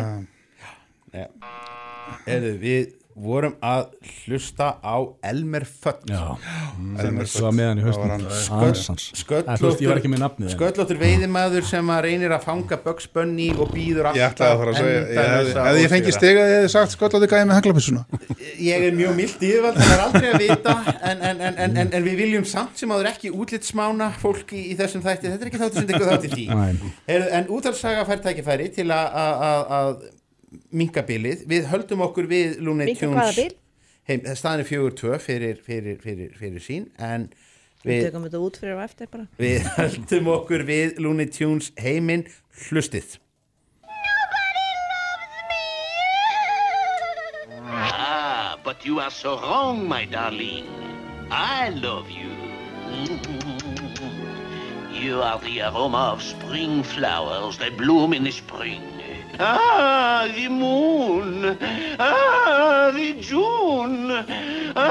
The swoon. Ah! Já, þetta er ein af sérkennilegri personum teiknumda heimsins því þráttur að vera söguhetja í sínum myndum er hún fullkomlega óþólandi en um leið gjörsamlega blind á afstöðu um heimsins í sinn garð og eins og svo marga personur í Looney Tunes er hér um að ræða skeppnu úr dýraríkinu hvaða skeppna var þetta út af saga? Er þetta þannig kvennröddina þá? eða? Nei, við erum að tala um, um karlröddina sem að bara upp í tóndæmið á eftir Ah. eftir hvern personinni hérna Hvaða dýrategund? hvaða dýrategund er þessi þessi, þessi óvenjulega og, og umdelda persóna í Looney Tunes því að, að, að hún nánast siðblind gerir sér ekki grein fyrir andúð um heimsins á sér hvaða Þannig að það er raun og verið er að tala um mann, mann, mannskeppnuna. uh, já, ef ekki þá bara, uh, að því að það er alltaf að tala svo illa um svínið, er það ekki bara svínið? Og ef ekki að svínið sem er þó samt smáður, svo fallegt og dásamlegt. það er ekki rétt hafa Bylgju og X-Men þetta Ég er allan að sjá fyrir mér svartan kött. Já, ég tek undir það bara. það er bara ekki rétt heldur Þá var þetta hross. Þetta er nefnilega uh, skeppna sem hefur rata pingulítið í fréttir. Eftir að þessi spurning var samin, þá var ákveðið að, að, að cancela henni á, á hérna samfélagsmiðlum vegna þess að þetta er skunkurinn Pepe Le Pew þefdýr sem að- að að- að er mjög ástleitið en, en, en, en áttar sig ekki á því að hann vekur uh, ófögnuð hjá, hjá, hjá öllum. Heru, það er greinilegt að liðið þurfa að taka annan í páskum í að, rifja upp svona helstu uh, teknimyndir en, við bara keirum áfram. Og við erum á bíómyndanótum uh, Bilgjan og, og Exið. Spurðinu bíómynd. Hún er þótt sérkennilegt kunna virðast byggð á leikritum William Shakespeare um Hinrik fjórða og Hinrik fymta sögusviðið er þó eins fjarrri köstulum og kongahyrðum og mögulegt er. Því þetta er bandarísku vegamynd frá 1991 sem fjallar um fíknarfneislu geðsjúkdóma og samkynneið myndin skartaði tveimur ungum leikurum sem voru rísandi stjörnur og naut strax nokkura vinselda en öðlaði síðar köld status og hefur haldið honum síðar hver er myndin? Þetta er hérna með honum Búti Haraldsson. Já. Og hérna... Natural Born Killers. Já, Natural Born Killers. Góð ágiskun en ekki rétt hvað segir út af saga? Ég, viltu fá titilin á aðsvara bíómynd fyrir ykkur en Ég vil á fá, fá titilin á bíómyndinni Shakespeare in Love? Ég, ég, krass. Nei. Hér erum við með uh, kvikmyndina My Own Private Idaho Já. Já, ég hef ekki séð hana. þar sem að, að hérna tveir efnilegir ungi leikarar uh, voru, voru í stórum Hvað gerir þú á kvöldin, Stefán? Bara- Það er bara mín spurning. ég, ég horfi bara á, á, á vafasamar köld vegamyndir bandarískar sem að byggja á Shakespeare leikrutum og talandi um það nefnilega þá er næsta spurning þá ætlum við að halda okkur í bandaríska bíómyndir sem byggja á leikrutum Shakespeare en núna af allt, allt öðrum toga út á saga unglingamyndin Ten Things I Hate About You frá árunni 1999 var geysi vinsæl það var framhaldsskóla drama þar sem að Larissa Olinik og Julia Stiles leika systur þar sem svo yngri er staðuráðunni að koma þeirri eldri í hnapphelduna. Leikritið sem handritið byggist á er einn af gleðileikjum Shakespeare's. Hvað heitir verkið annarkvort á íslensku eða ensku. Rómeo og Við erum að fara að þessu. Er ekki bara Rómeo og Júlia? Nei, við veitum, komið að öðru annar en hafnenduna Mm? Það endar allt með skjálfingu í Rómið og Júliu það er nokkuð til í því. Ah. hvaða, fá, fáum við svar frá? Það er svona að koma að annar, annar, annar í, já, kom, já, Þetta, þetta, þetta gengur út á það, þetta er gleðileikur. Taming the Screw uh, Það Skafsið tamið. Það er hár rétt Taming of the Screws Skassið tamið. Þetta hefðu þið nú haft, mæntanlega Auðvitað. Auðvitað. Sat á mér hérna Jæja, heyriði uh, Útvarsmenn Sjöunda víksl spurning. Árið 1970 brann skemmtistaðurinn Glömbær. Það er vafa lítið frægasti skemmtistaðabruni á Íslandi en þremur árum síðar brann eitt af kvikmyndahúsum Reykjavíkur til kaldra kóla á tveimur klukkustundum. Hvaða bíó var það? Hvaða bíó, og það er, er, er Bilgjan og Exið sem svarar hvaða bíó brann til kaldra kóla á tveimur klukkustundum árið 1973. Hvað er ég að segja? Mm. Það var, var endur byggt eins og, og, og er rétt að taka það fram. Mm. Ég myndi halda það Já, ég held að þetta geta alveg. Segjum uh, stjórnibjó Stjörnubíó er rétt. Þið voru með þetta, vantar trú ég. Uh, sögu fólk, við höldum okkur á eldsvoðavaktinni. Árið 1998 gjör eðilagðist í eldi hús sem hafi verið reist fyrir nýja bíó sem þarf að reist reki lengi. Mhm. Bíóið hafði á þessum tímapunkti hætt rekstri en í staðin var komin skemmtistaður. Hvað hétt skemmtistaðurinn sem brann árið 1998? Er það við? Það er þið. Það er tunglið. Það er tunglið. Þetta, í því. þetta vafðist ekki fyrir kolfinu. það var loksins svona konu í minn aldurshóp hérna hérna þar sem ég kynntist honum Byrni Jörundi Þetta, epi, episku staður sko, tunglið. Hmm. Og loka tónleikandi með Ham voru líka góðir hérna 1994 Eitt, og annað mjög, mjög gott á, á, á, á, á tunglinu. En við skulum stilla okkur um, um, um, um nostalgínu og skulum fara í tóndæmi uh, Bilgjan og Exið er á undan. Þetta er æsispennandi. Uh, útvarsvið Svínar er með fórustu 5-4 en hlusti nú við heyrum glefs við heyrum Laying low, seeking out the poorer quarters where the ragged people go, looking for the places only they would know. La la la la la la la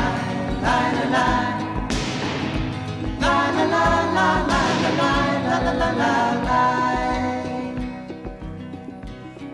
The Boxer eftir að Simon og Garfunkel var geysi vinsælt en alla tíð fylgdu þær sögur að yrkisefnið væri annar listamaður og jafnvel væri verið að senda honum smá pillu með textanum. Sá listamaður slóðu sig bara upp í grín og gerði sjálfur útgáfa læginu og hefur flutt hana á St. Paul Simon. Hver er listamaðurinn sem mögulega er hér sungið um? Bilgjan og Exið. sem hefur fluttað með Paul Simon hefur meðal hans fluttað með Paul Simon og, og í sinni eigin útgáfu en það fóru snemma af stað sögur um það að þetta væri svona lít dulbúin pilla á listamannin Já, ég, ég bara ekki ská.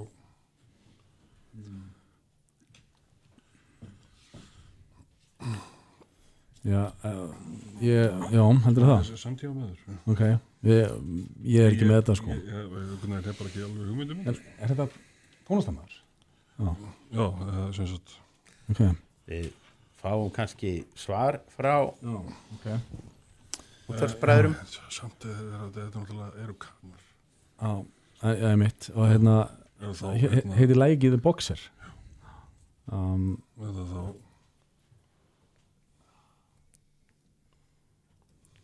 uh, ég veit ekki, já, segðu það. Bruce Springsteen. er ekki rétt út af saga Bob Dylan Bob Dylan er hins vegar hárétt Jöfullin Það var það sem ég hefði skrifað niður hérna. Nei, þú var það. Já. 5-5 Alltaf að fara eftir yðstu 5-5 og, og við förum nú í örlítið kröftugra rock út af saga Get back on it. Gene Genie lives on his back. And Gene Genie loves chimney stacks.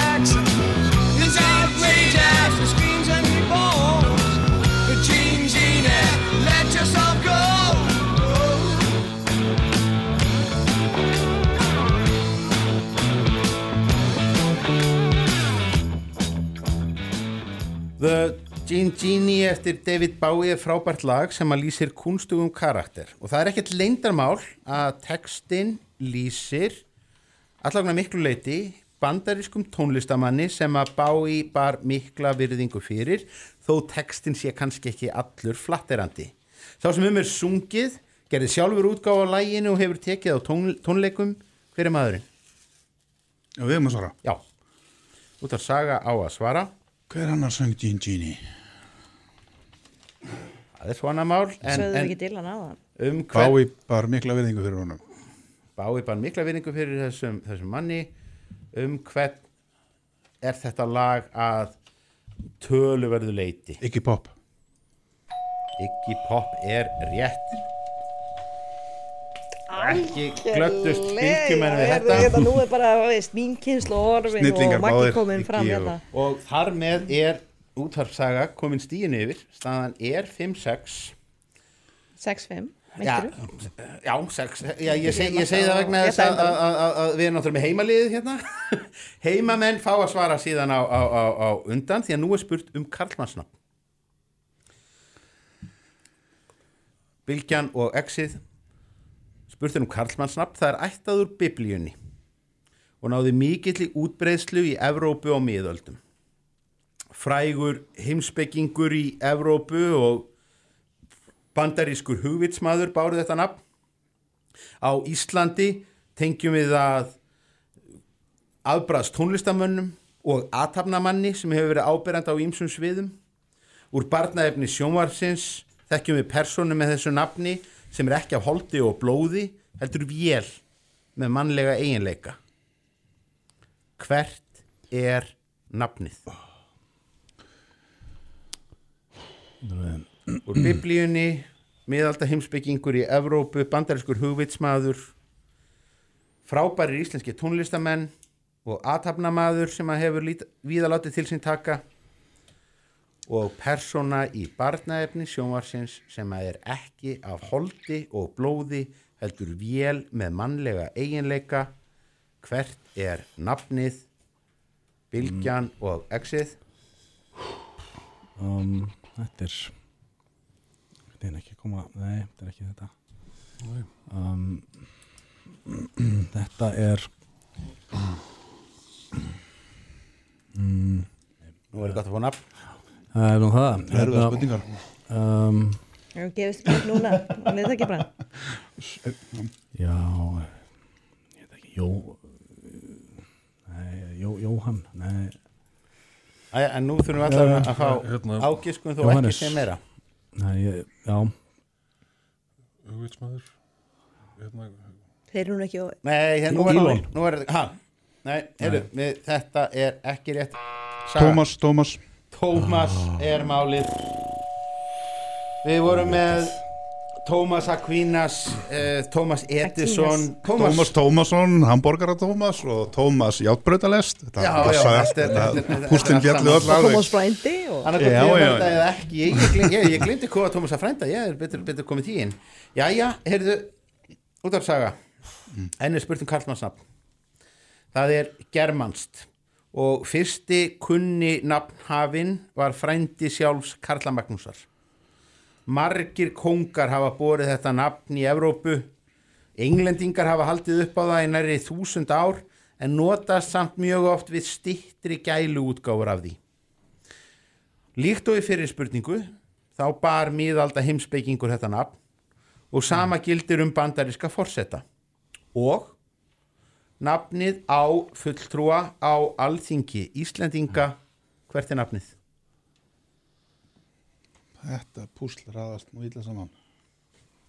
Þetta er sem sagt einhver frændi Karla Karla Magnúsar. Magnúsar og, og, og englendingar, eða bara Evrópuþjóðir hafa notað þetta og englendingar en samt oft í stittri útgáfu og síðan höfum við miðalda heimspeking, við höfum bandaríska forseta og nafnið á fulltrúa á alþingi sem stendur sem stendur?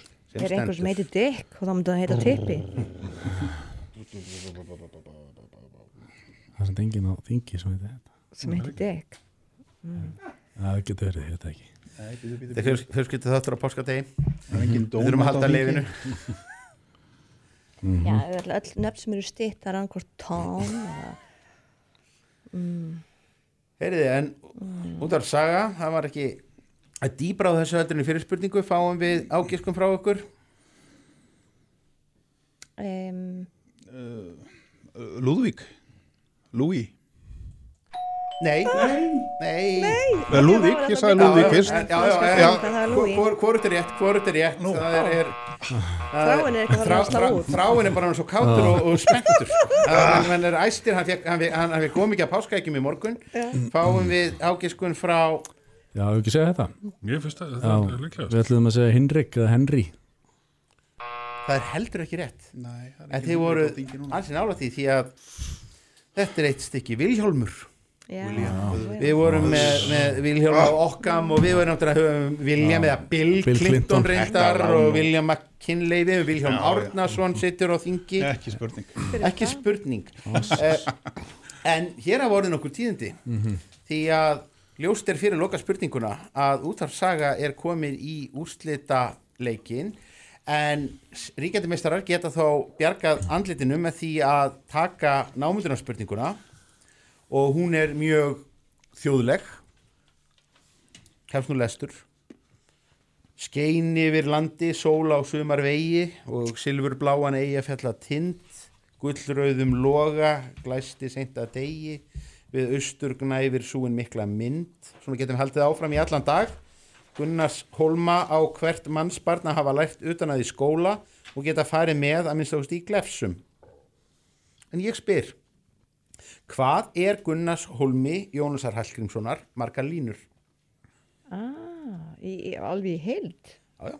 Já, við að svara. já. Nei, þetta er því bæði lið eiga Já, að þetta er skrifa tölur, þetta svarið er tölurspurningin Já, Svo erum að, hérna, já, ég skil og Það er skulum bara vera er mörg- Þú kannt vera þú- dálítið Þú röss. verður í MR, þú kannt, þú kannt Gunnar Rólma Já, já. Alveg bara Já, já, það kemur ekki? tala upp í hausinu á mér ég, Ég ætla- ég vona samt að þið þurfa ekki að þylja hann í, í, í, í, í huganum og, og, og telja upp. Ég ég ætla að bara það fengi þessa spurning á stóðsprófi að fá ágiskun frá ykkur. Býðum við uh,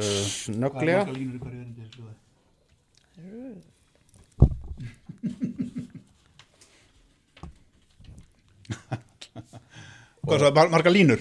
hversu marga línur er Gunnars Hólmi Já. við sýnist að svarið sé komið frá uh, Bylgjunni og Exinu fáum við Já, ef frá að setja það, já, blað setjið svar á blað. Þetta bara kom, mér, ég 1, veit ekki 2 og við liftum á loft. 79 og 50 út af saga er nær því að það eru 88 línur í, í, í, í Gunnars Hólma til hamingju út af saga en, en sínarmenn meg að vera bratti því að þeir fá páskaegg að launum. Takk kærlega fyrir og við höldum áfram vonbráða Góður landsmenn, verið velkomin í úrslita viðureik spurningakeppni fjölmiðlana árið 2021. 16 fjölmiðlar hófu leik eða 16 lið frá fjölmiðlum og fjölmiðlarsamsteipum hófu leik hjá okkur fyrr um páskana uh, og allir vildu tryggja sér titilinn skarpasti miðill almanags ársins en að auki var að hort til allra veglegu auka velunana, páskaeggjana, peróni og, og, og aðgangs að kröymu náttúrulaugum og glæsilegu kaffivélana frá Nespresso. En hættum að velta okkur upp úr efnisíkjunni, fyrst og fremst snýst þetta um sæmdina, fyrst og fremst snýst þetta um möguleikan á því að verða skarpasti fjölmiðill ársins 2021. Stefán Pálsson heiti ég. Ég er spurningahöfundur, ég er dómari, ég er spyrill, ég stýri öllu því sem að Þráinn Steinsson stýrir ekki í þessum þætti. Já, í... ég geti ég gift mig hjá því að þið geti gefið okkur hjónaband. Ég, ég, ég, ég hef hjónavíkslu réttindi sem, sem uh, umsjónamaður spurningakeppni uh, þáttakendur greinilega get ekki beðið eftir að komast að og það er ekki setna vætna að leifa þeim að kynna sig. Við erum með keppendur frá uh, frjálsri verslun og útvarpi sögu sem að, að keppa nú til úrslita gjörðu þið svo vel og kynnið ykkur Ingvar Haraldsson, Ingvar Haraldsson heiti ég, frálsi Veslun. Júlíu Stór Haldarsson, frjálsi Veslun uh, Ég uh, heiti Kolfinna Baldvinsdóttir Ég er Magnús Þór Haftensson.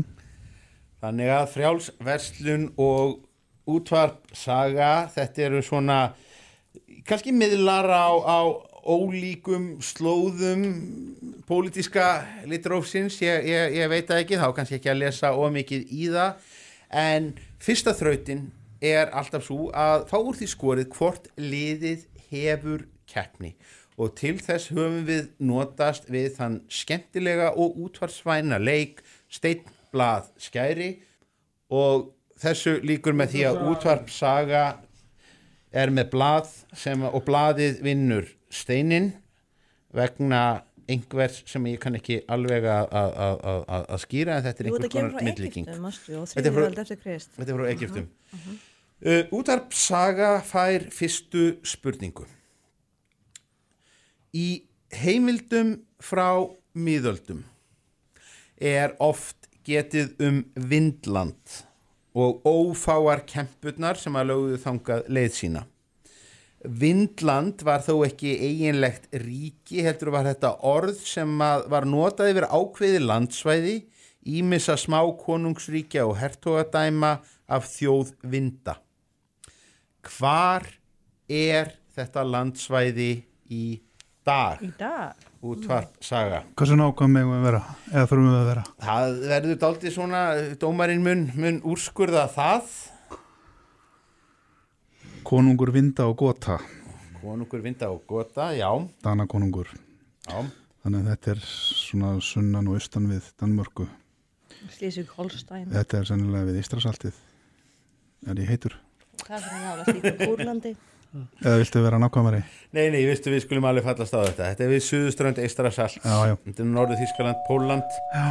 Ég hefði sagt að ég ekki áfram. Já, en, en, en sem sagt Danir eh, bara til, til furðu skamstíma þá var þetta hluti af opinberum titli Dana konungs Mhm. að hann væri konungur vinda. Og þaðan kemur minn forfæður er Kristján Guntur Skram sem kom til Íslands 1807 Já, og frá, og frá, frá, frá Vindlandi Já. Heyrðu, þetta, er, þetta er vel að segja vikið þetta er nánast ósangjant en, en, en, en hérna sjáum til kannski mun, mun frjálsverslun fá einhver ein, ein, einhverja meðgjöf einhverjum spurningum uh, frjálsverslun Bjarmaland var annað landfræðilegt hugtak á miðöldum það þótti ekki heiklum hent að fara í Bjarmalandsför en það mátti líka hafa vel upp úr krafsinu Hvar er í dag svæðið sem að norrænir menn nefndu Bjarmaland?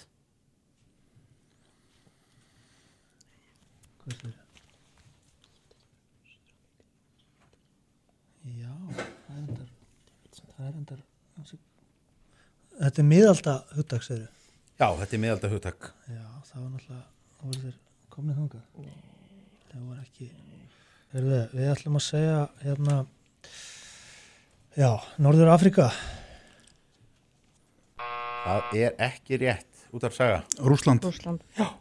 Úst, Bjarmaland var nýrst í Rússlandi, eða bara við Kvítahaf, þangað fórum við að sækja gráfuru og ímis konar svona feldi. Þangað fylgdu menn síðar á. Ísafs skipalestunum Og þaðan Hvalfirði. kom Já. okkar fráviður sem að Te- te- Tengingarnar eru ímsar við, við, við, við verk Magnúsar Þórs heyri ég hér í, í, í þessum þáttum uh, Önnur spurning, uh, útvarp saga er á undan að svara. Við heyrum lagstúf. Oh. In Dublin's fair city, where girls are so pretty, it was there that I first met sweet Molly Malone. She wheeled her wheelbarrow through streets broad and narrow, crying cockles and mussels, alive,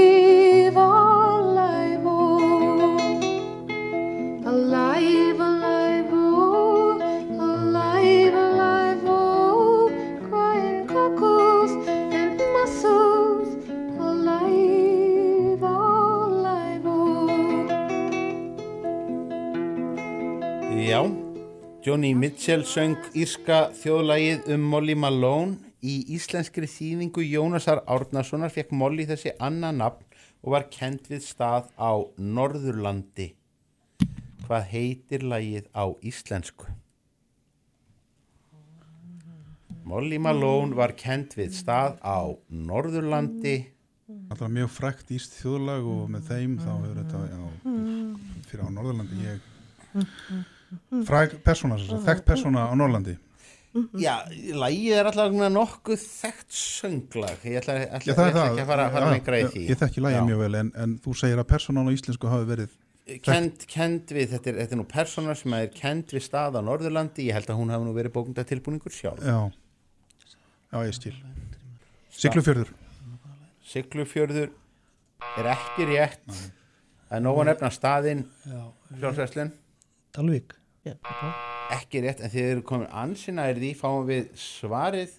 Já. Hún hrísegjar Marta með hárið sitt svarta var fræg fyrir kátínu forðum á Þetta er, þetta er náttúrulega... Ég var nú að hugsa um latta. Þar Var þetta ekki á spurningar? ríða hérna, hérna erum við alveg á, á, á sko uh, ís, ísku þemabörunum sko og, og, og nöðsilegt að kunna þetta allt saman Heyrði, en e, frjálsæslun við höldum okkur við írska þjóðlaga slagara hlusti vel.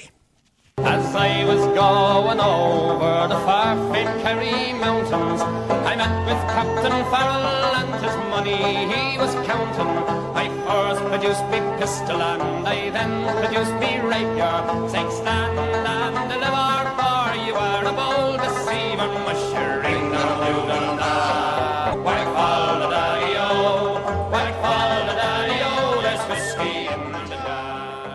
Já, Dubliners sungu Whiskey in the Jar í þýðingu Jónasar Árnasonar var þetta að lífið er lotteri.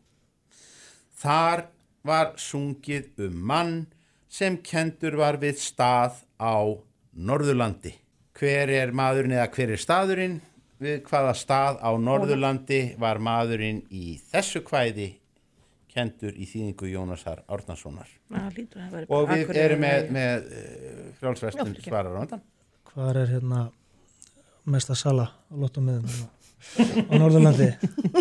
Ég það er nú bara í stað sem kemur til greina held Á ég í miðöldum, Þjóðverðum, hvernig heldur þetta? Já, sem Dalvík aðan. Já, kæftir Dalvík, nei ég, ég var að hugsa um hérna Lífið er lotteri Ég var, að- hugsa um hauganis ég á ættingja þar og hérna vildi bara svona en, Já. gera það fyrir þau að skjóta það, kæftir hauganis Komir hrút af það. Hauganes er ágiskum, það er ekki rétt. Húsavík. Og Ég, hvað ég, ætlar, hérna, hvað ætlar Þetta er lífið er lotteri sko og hérna síldin er lotteri. Og Húsavík. Ég ætla að skjóta aftur á Siglufjörð. Eða Húsavík. Fáum við, fáum við á, afgerandi svar? Sigló. fáum Sigló er svarið. Og Sigló, við skulum hlusta á Er þetta Sigló? við skulum bara fá bara tóndæmið frá honum Um fræðar menn og kappa Við fáum oft að heyra En fáa veit ég líka honum Siglu fjarðar gera Já Siglu fjarðargeiri var það Siglu fjarðargeiri. Já, ég var nú sér í og- gæs sko. Þannig að að það að, það að byrja að þekkja Jónas Átnarsson, það er nú, er nú mjög drjúkt hérna hjá tengda sinni Norrfjörðar í, í, í, í spurningakeppni fjölmiðlana. Hver er tengd að svona Norrfjörðar? Mjög- Ég. Um, þriðja Þú ert að upplýsa okkur þriðja víks spurning.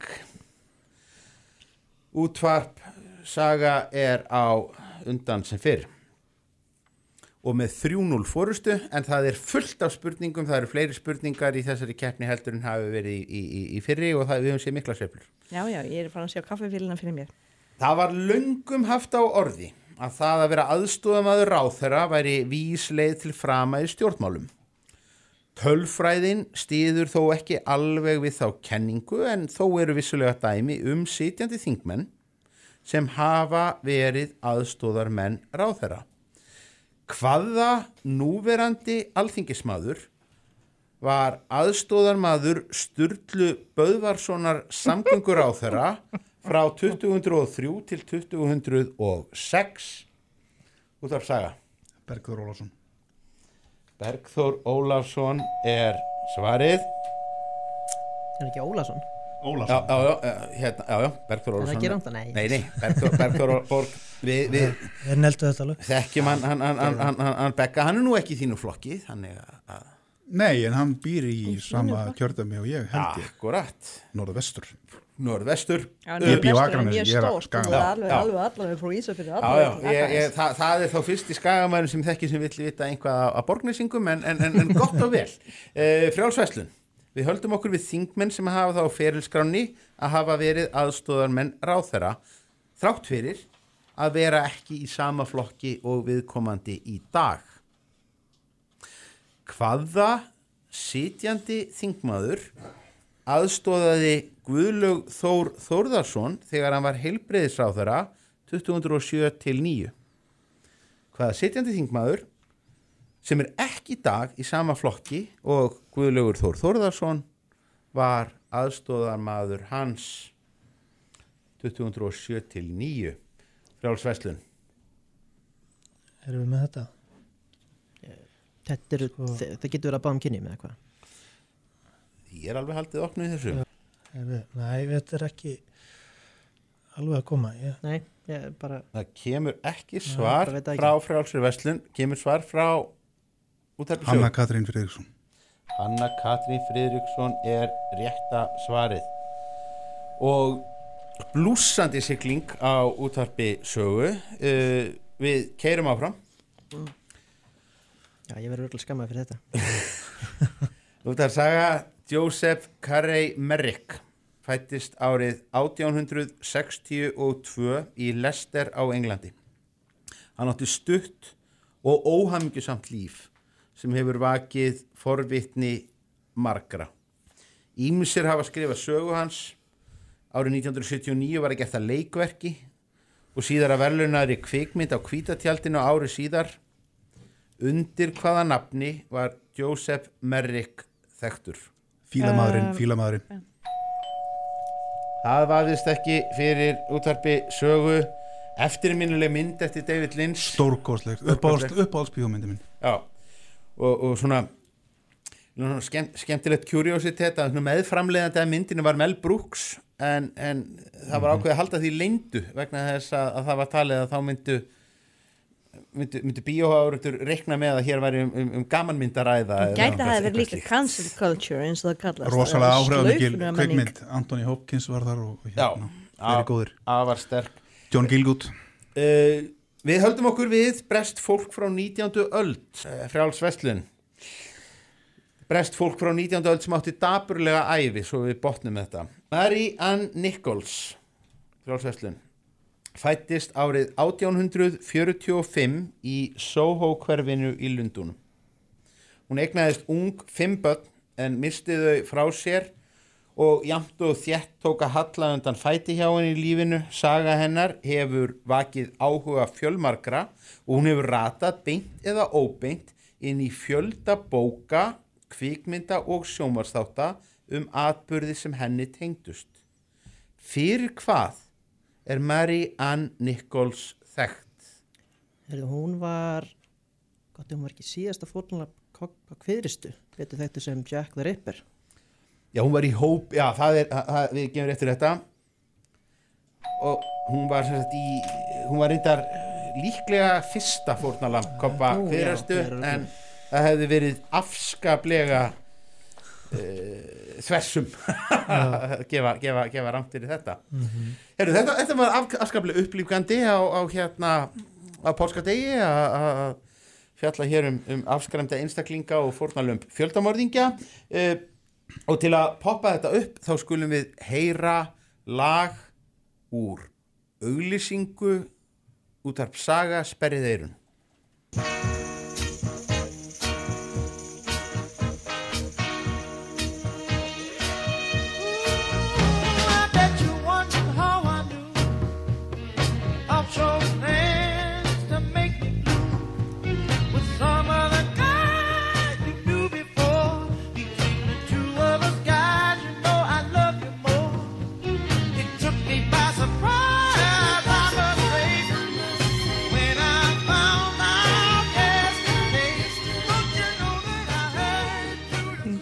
Árið 1985 var lag Marvin Gaye notað í auglýsingu stórfyrirtækis, reyndar í endurgerð.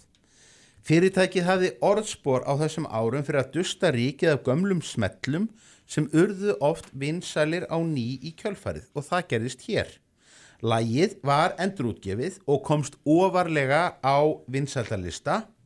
Hvert var fyrirtækið sem notaði þetta lag í auglýsingu sinni árið 1985? Já, nú er stort spurt. Fyrirtæki sem var þá að reyna að selja eitthvað þetta er ekki, þetta er ekki útgáð fyrirtæki Nei, þetta er, þetta er, er framslu fyrirtæki sem að, nota þetta en, en höfðu þetta aldrei orðspor fyrir það að þeir tóku gömulög og endur, endur, endurlífguðu já, endurlífguðu Erum við að tala um Xerox erum við að tala um Ford? þetta er, Erum er að sennilega um- svona eitthvað framsækið svona svolítið töff fyrirtæki sko svolítið púf, uh, Og það hér í þá daga nýsköpun. já, já, já Mm. 1985 Ég myndi halda en þetta fyrir alþjóðlega að við erum að vita af þessu 85, þá er ég 15 ára. Er djúpt í- djúpt á þessu er. Við öll eftir var að auglýsingunni, horfa á Dallas og Dynasty Ok. í næstu. Munum við alltaf auglýsingunni Já, hún var minnist það, hún var minnist það mm, og ég bara að láta vaða?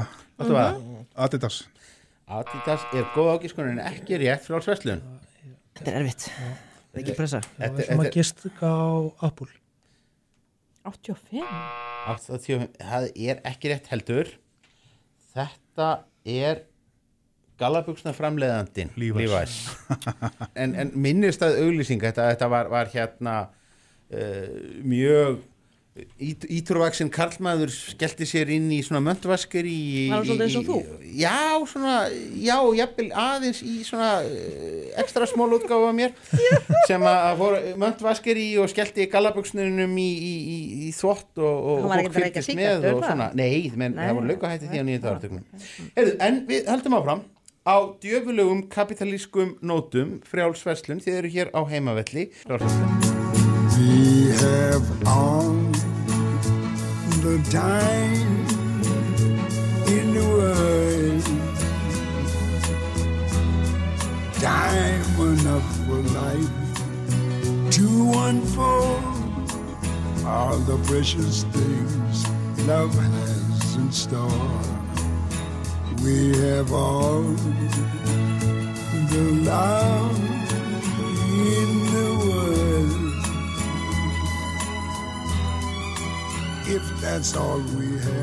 Á sama hátt og Marvin Gaye náði hátt á vinsaldalista lungu eftir dauða sinn þá fór þetta gamla James Bond lag með Louis Armstrong í hæstu hæðir árið 1994.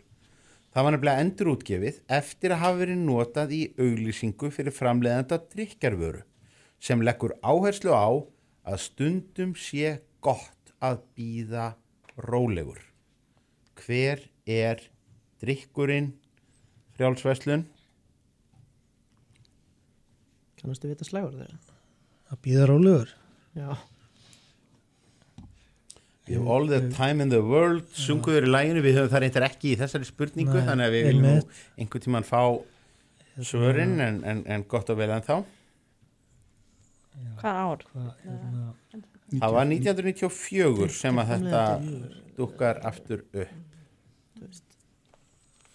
er endur útgefið í kjölfæri þetta var sérstætt fyrir bara á tíundu áratögnum að, að það var mjög algengt að vinsal auglýsingalög að það var bara, þau voru kerð út aftur og, og rugu upp lista Hvað segir frjáls Vestlun?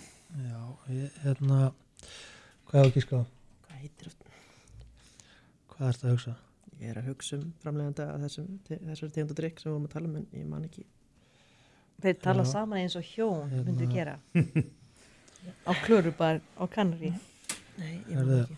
við Tökum bara segja hérna Budweiser Budweiser er ekki rétt svar og við heyrum hér hérna ílífanandi hvað, hvað segir út af saga? taka það rólega sem sagt sagður Já. það væri svona einhvern orðið take it easy já, já. Við erum búin að reyna að vera að gera það svona undarfarið en hérna okkur treytti að vera framlegandi bandarískur eða skiptir einhver máli. Það er ekki gefið upp. Það er ekki gefið upp, nei, Mhm. hæningan ekki heldur. Nei. Þetta, en, en bæði líðin áttuðu sig á því að við værum að ræða um bjór. Mhm.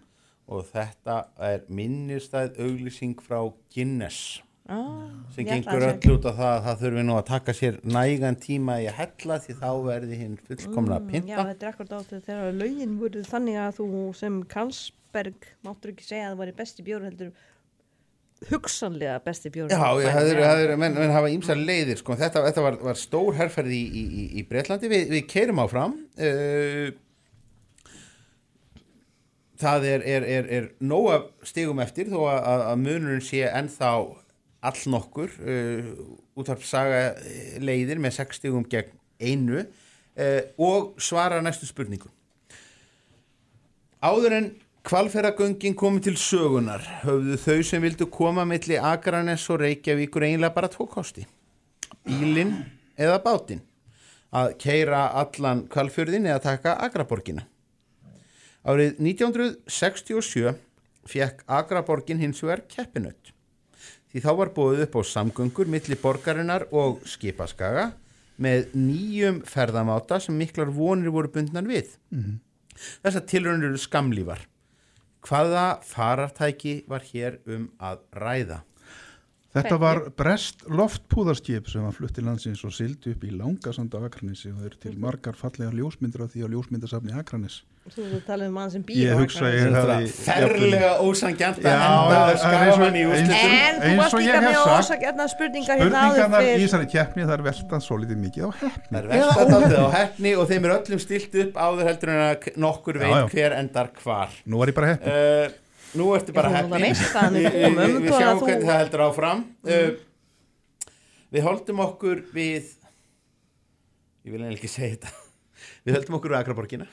Uh, árið 1966, árið áður heldur en að Akraborgin fekk óvæntu samkeppnina frá svifnökkvunum, loftbúðarskipunum, þá var markverð breyting í tengslum við rekstur hennar.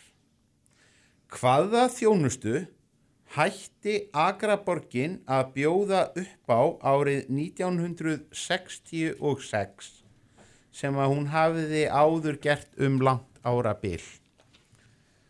Frálsverslun. Herðu, já, við ætlum að segja veitingar Nei, það er nú að ekki.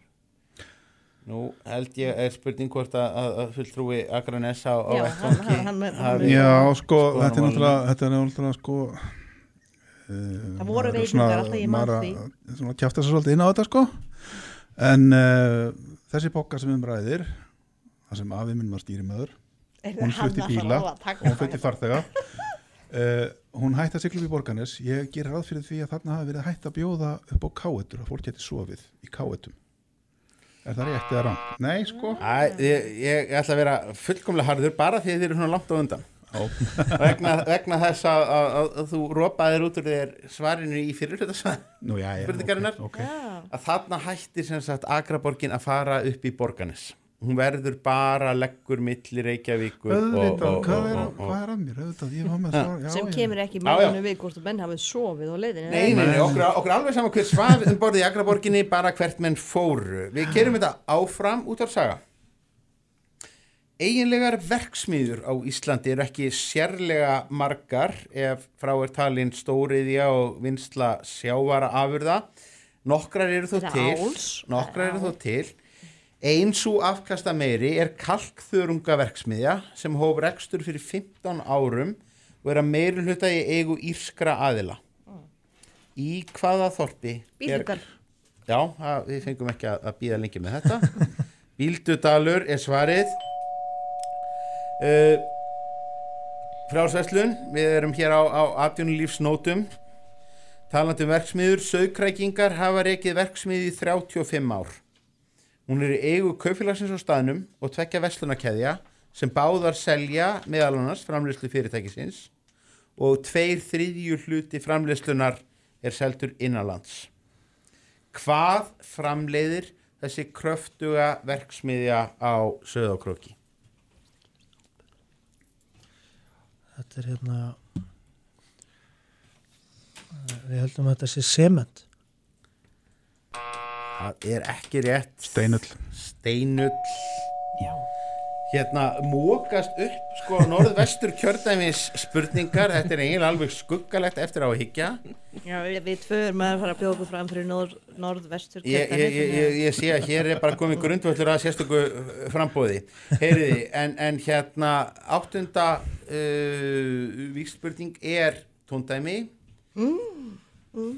Útarpsaga hlustar á undan við víkjum að klassískum kvikmynda stórvirkjum hlustið vel Hvernig anskotanum komst þú hérna inn? Einum dittnar og yfir sætið. Það er Speedy. Leftið þú hennin?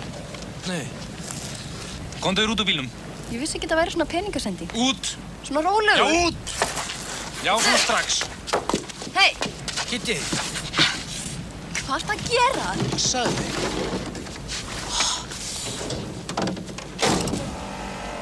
Ok, fyrir gefðu. En ég var að komast yfir ána.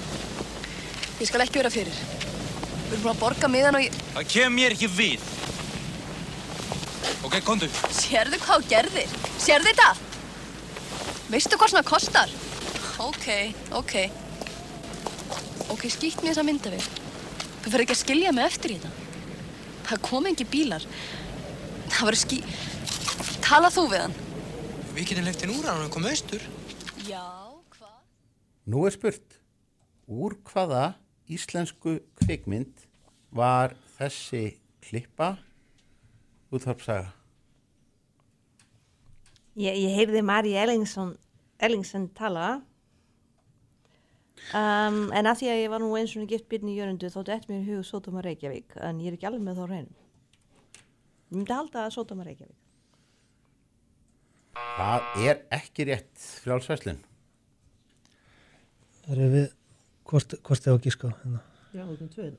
Já, ef að segja þetta Já, Reynum ég- þetta? ég held það, ég held að reyna við börn náttúrunar Það er fjarrilegi líka. Marja Ellingsen var vissulega þarna. Já.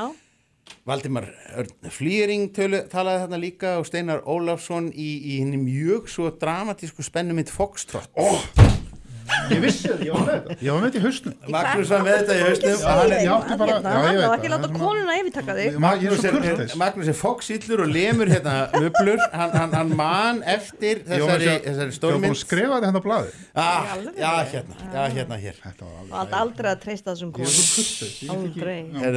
Svona er þetta. við, höldum, áfram á svipuðum nótum. Frjáls vestlun hlustið Varst þú að reykja hérna? Nei, ég reykja ekki. Hvað er stupur þá að gera hérna? Hvað er þetta maður? Mér kemur það ekki við, ég er að leita fötunum mínum hérna, ég þykja að passa upp á að föt fólk séu látin í friði hérna, hvernig er það? Við erum nú aðeins að passa upp á að fólk sé ekki í fötum.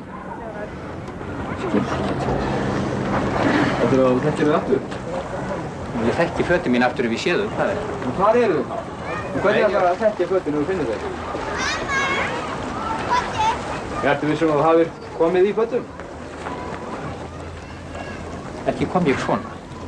Og ekki fer ég svona, er það? Já, nei, nei, þú fer ekki svona, þú ert í leigu skílu, þú ert að skila henni. Já, þú ert í leigu skílu, þú verður að skila henni klippa úr hvaða íslensku kvikmynd var þetta frjálsveslun Þetta er náttúrulega ótrúlegt atriði en við erum einhver nær svo sem frekar en fyrir það Maður þekkir alveg rættir það, en, en kannski ekki. Nei, við hérna bara skjótum á með allt á reynu Það er ekki rétt hvað segir út af saga. Já, þetta er bara get, geta, geta, sko nýtt líf. Nei, Nei, nei. en við erum ekkert á, á, á ólíkum slóðum vegna þess að þetta, þetta er mynd eftir Tráma Bertilsson Þetta það er er bara nýtt líf, Jón líf. og Jón Bjarni Jón Ottur og Jón Bjarni og þetta eru sem sagt Karl Ágúst Úlfsson og Egil Ólafsson að- að að- að talast við í út í klefanum í sundlaug Vesturbæjar fyrir fólk sem að vil upplifa nostalgíu hér á páskadegi sem er Eh, alltaf frægust fyrir það að þar, þar heitur samkynneitt uh, fólk Það var, það var, það var, það var, það var mik, mik, sundlaug Vesturbæjar hefur, hefur miklu menningarleg sögulegu hlutverki að gegna. Við höldum áfram. Spurt er um bandaríst stórfyrirtæki út af saga. Það er frá Connecticut og var stopnað árið 1906. 1906. Þá sérhæfði það sig í myndavélum og ímiskonar tækni búnaði sem tengdist ljósmyndun. Tækni þróun fyrirtækisins hefur leittað í ýmsar áttir, þannig var það nokkuð stórt í framleiðslu á tölvum á uppafskeiði innmenningstölvana, þróaði til að mynda tölvumúsina sem að síðar var staðalbúnaður, en í setni tíð hefur það hægt að gera tölfur frá grunni en selur öðrum framleiðendum í hluti.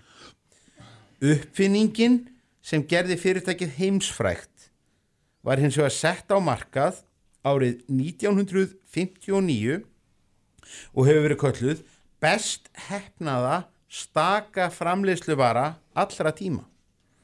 Hún var fyrsta nótæfa tækið sinnar gerðar sem gætt unnið sjálfvirt.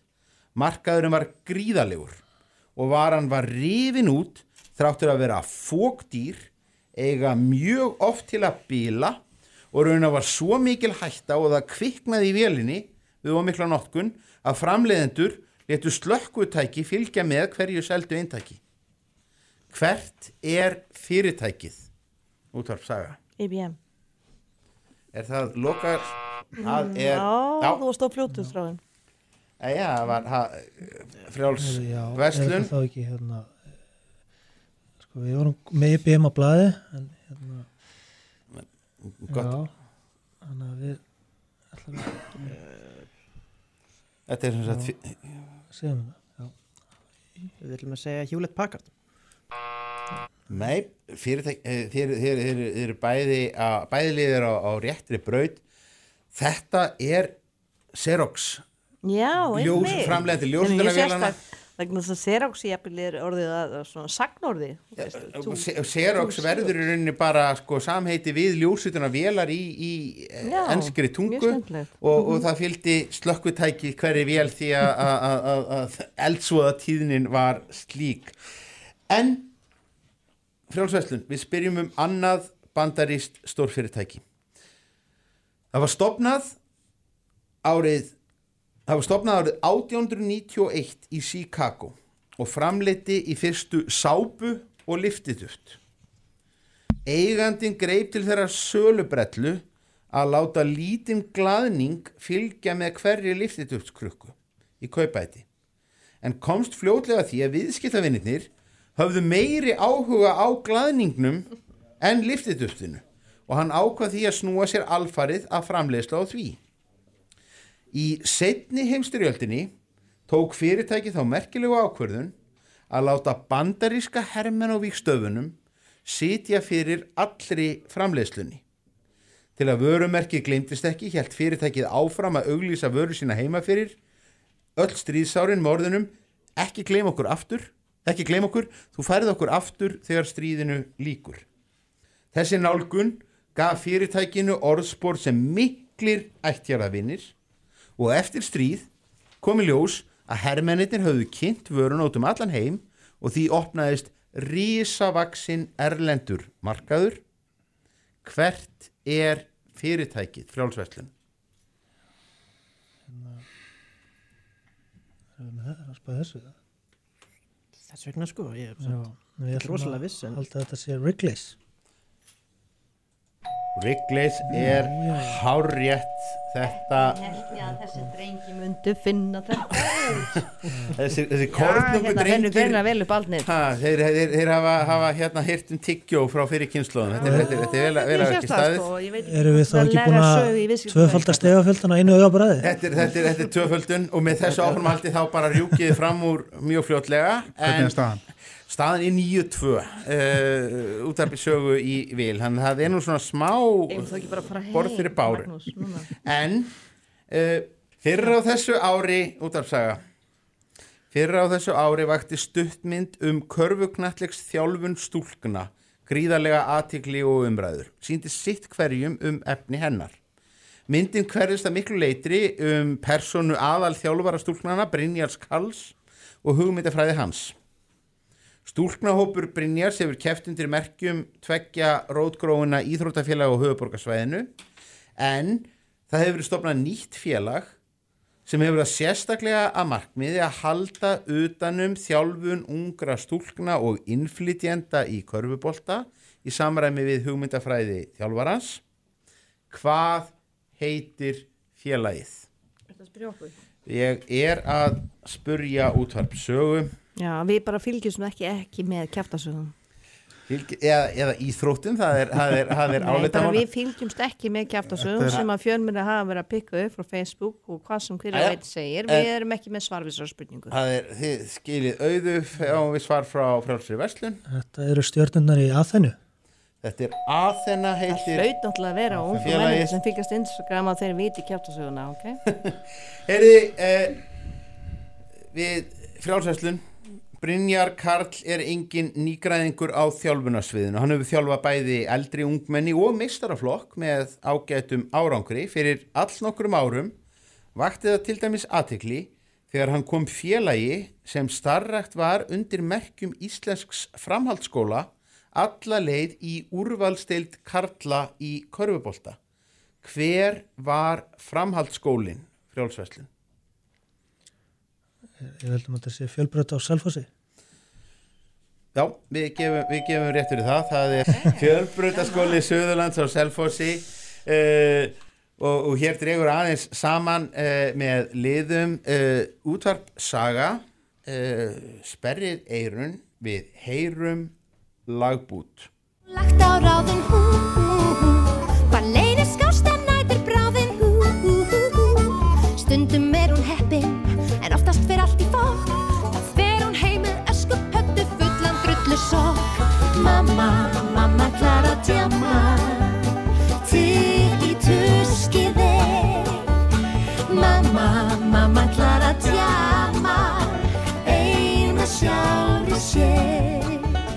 Baggalútur og Jóhanna Guðrún sungu eftirminnilega um einstæða móður sem býr sig undir líf, líflegt kvöld á djamminu.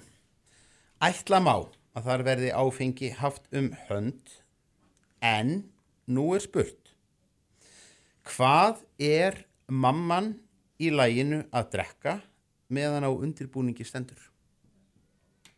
Það kemur fram í textanum hvað mamman sem ætlar að djamma drekkur í aðdraganda kvöldsins stóra Þetta, þetta, þetta eru strákana, Ég, þetta, hérna- þetta þeir eru svo ungir við, og við munum bara rúna jól til að mamma var að begla munn og eitthvað svona en af hverju við vita Ég veit hvað ekki. Eða við skulum fá, fá bara Skjóta þetta bara. Já.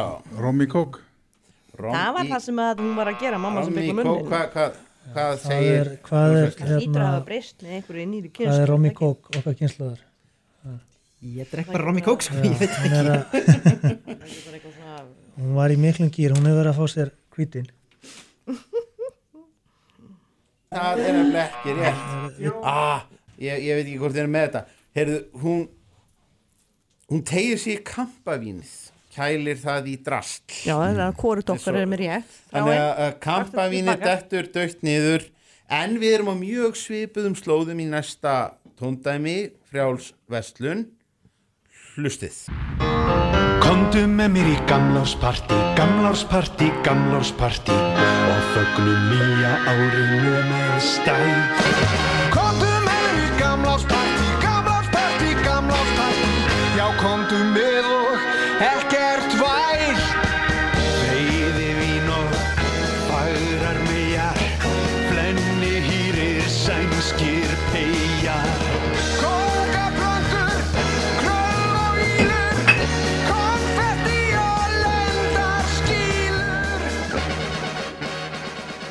Já, og enn er hljómsveitin Bakkalútur á hedonískum nótum í læginu Gamlárspartí sem er kannski pingulítið óvegandi hér um páskana en, en, en látum við það slæta. Í texta lagsins er nokkur fjöldi raunverulegra einstaklinga nafngreindur. Nefnið eina slíka personu. Fyrirgeðu, hven, hven, hvaða ár var þetta sungið? Þetta var fyrir einhverjum árum. Við þurfum að nefna er eina personu sem að kemur fyrir í texta gamláspartís, eina raunverulega personu, fáum við ágískum frá frjálsri verslun. við ætlum að segja Já. Eður Smári Eður Smári er ekki rétt útarf saga Sigmundur Davíð sem þetta er heldur ekki rétt. Þið hefðu þurft að hafa eitt af eftirtöldum. Ólaf Ragnar Dorrit, Megas Rocklingana sem að hefðu talist hér sem ein persóna en ekki margar Ragga Bjarna og Stephen Hawking. Þannig að Raggi Bjarnar var komin á blaðan og gott að hafa yngvað til þess að ergja sig á þegar hann líður á kvöldið. Við skulum kæra þetta áfram við förum í pólitíkina. Þetta er næst síðasta víksl spurningin áður en komið er að námyndum út var saga Fréttamaðurinn Helgi Seljan var bæjarfulltrúi rétt um tvítugt. Það gerðist árið 2002 þegar hópur af ungu fólki bauð sig fram í sveitastjórnarkostningum í fjardabíð og náði 16% atkvæða og einum fulltrúa. Nafnið á þessum nýja, þessu nýja frambóði var léttúður orðaleikur eins og búast mátti við af ungu fólki en þó það verið fyndið þá var hann með alvarlegri undirtón og vísaði í atvinnumál á svæðinu. Hvað hét frambóð Helga Seljan og félaga?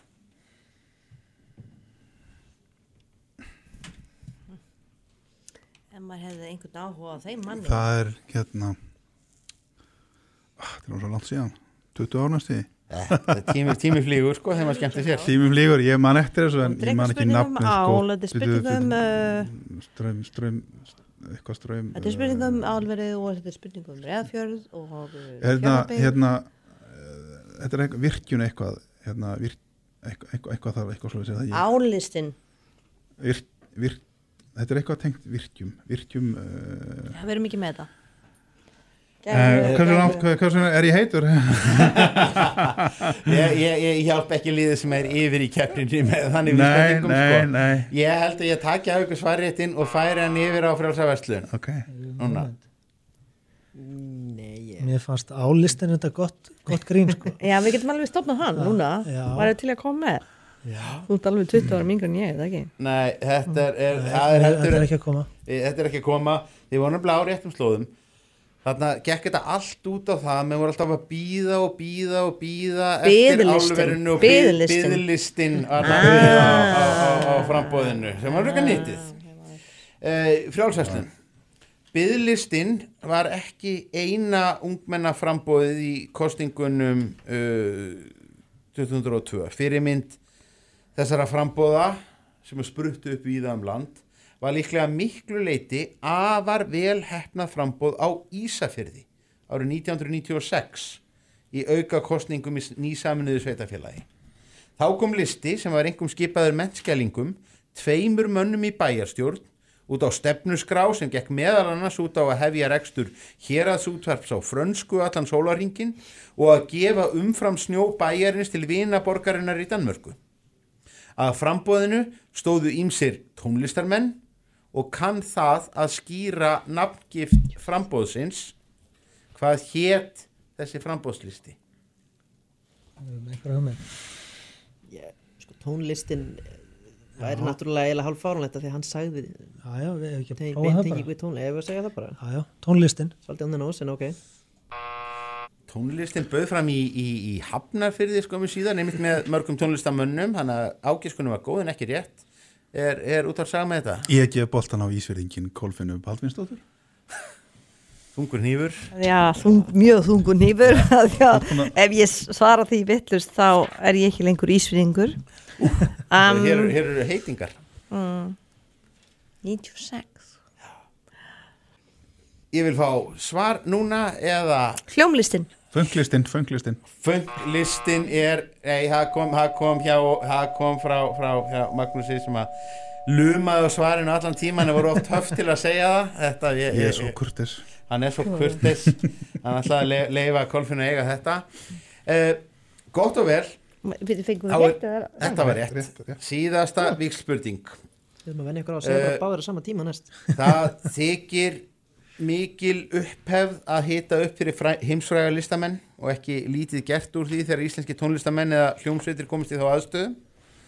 En svo er spurningin, man einhver eftir upphitunarböndunum fyrir nokkru missurum voru einhverjir stæstu tónleikar Íslandssögunar haldnir í kórnum þar sem að Justin Timberlake spilaði fyrir framann skriljónir áhörfanda hvaða íslenska hljómsveit hitaði upp?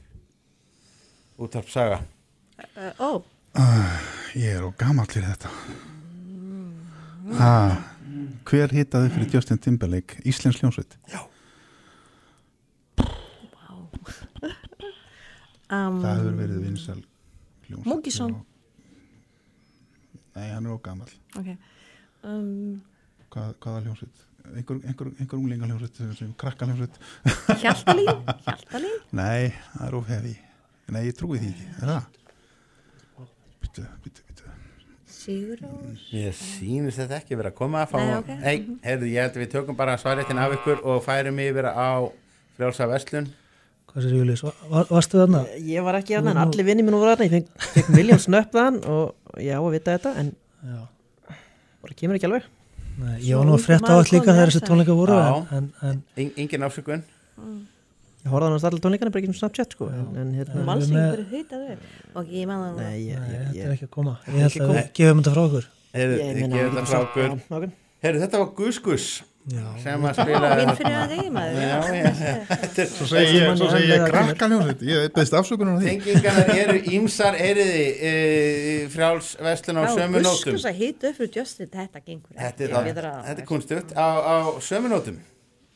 Guns N' Roses leku á fullum lögadalsvelli fyrir ekki svo löngu. Hvaða íslenska band frjálsveslun tók að sér að hita upp fyrir þá Ertu ekki að grínast Er Stefán? þetta hérna ég, ég spyr hér um, um, um tónleika sem tugþúsundir sækja og engin mann eftir uppbytunarböndunum þetta er, þetta, er, þetta, er, þetta er ljótt frá að, að, að segja. Hvað segir frjálsveslun Sko, ég var engin mann eftir í þetta er náttúrulega þekkt hljómsveit en eins og er ekki með neitt betra sko. Við ætlum að skjóta á ham. Ham er ekki rétt út af saga. Guns N' Roses, það er nú ekki mörg án síðan það var. Nei. Það var áður nýja fætið sko. Nei, nei. Já, já. Býtum við. Einhverjir Nei, ég bara húf. Ég held að þetta sé ekki að koma við Nei, bara þetta afskrifum þetta. Þetta var hljóðin Brain Police sem að- spiluðu þarna. Við skulum taka loka spurninguna og það er námöndur spurningin Ok. með bara pennana á blöðin. Þættirnir á tali með hemmagun eru óneitanlega einna hápunktum íslensks sjónvarps þó ekki sé annað en hort til áhorstalna. Sá eða svo sem kom fram í þættinum hjá hemma öðlaðist landsfræði einu vettvangi. Þættirnir hófu göngu sína árið 1987, hættu voru 1995 í sérstökri hátíðadagskrá. En nú er spurt, hvað urðu hemma gunn þættirnir á tali margir í það heila tekið? Hvað urðu þættirnir á tali með hemma gunn margir? Heldur þú endur tekið uh, hvenar þeir hófust og hvenar þeir Þeir voru frá Ekki. 1987 til 95 frá hættu þarna vorið 1995 við skulum bara fá ákiskun Já, bara ágiskun Já, og hripið þetta niður og mundið síðan. Svarblæðið eru frjáls verslinu komið með svarið og uh, útvarp. Leiðist- spurningar, það ekki? Jú, þetta er úrslita Já, þetta er, þetta er spurning um heiðurinn. Réttið þetta upp. 160 segir uh, segir uh, frjáls vestlun 120 segir útvarpsaga hóvarari, hóstiltari ágiskun sem ber ávöxt því að þættinni voru 103 talsins Mm. eftir og, og pældi því, þetta eru gaurarnir sem að kunna á tölunar sko. Þetta eru öðru menni sem kunna tölunar eru kannski ekki góðir í, í, í hérna uh, nýjunda áratugs uh, kannski sjónvastáttum á á á, þessum á, tíma, á sko. rúf Mm. uh, og þar með sláum við botnin í uh, bráðfjörugt keppnisár í spurningakefni fjölmjöluna sem endaði síðan á svona furðu ójafri úslita keppni þar sem að- munurinn var all nokkur uh, þar, eða 11 fjögur fyrir útvarpi sögu á móti frjálsri vestlun uh, en Má maður útvarp vera með svona forða gleði? Við þökkum ykkur bara kærlega fyrir uh, glæsilega framistöðu og hér verður verðluna afhending á eftir en við áhöröndur Við áhöröndur bylgjunar segi ég bara gleðilega páska og takk fyrir samfélgina um helgina. Takk fyrir, Stefán. Gleðilega Gleðilega páska. páska. öll sömur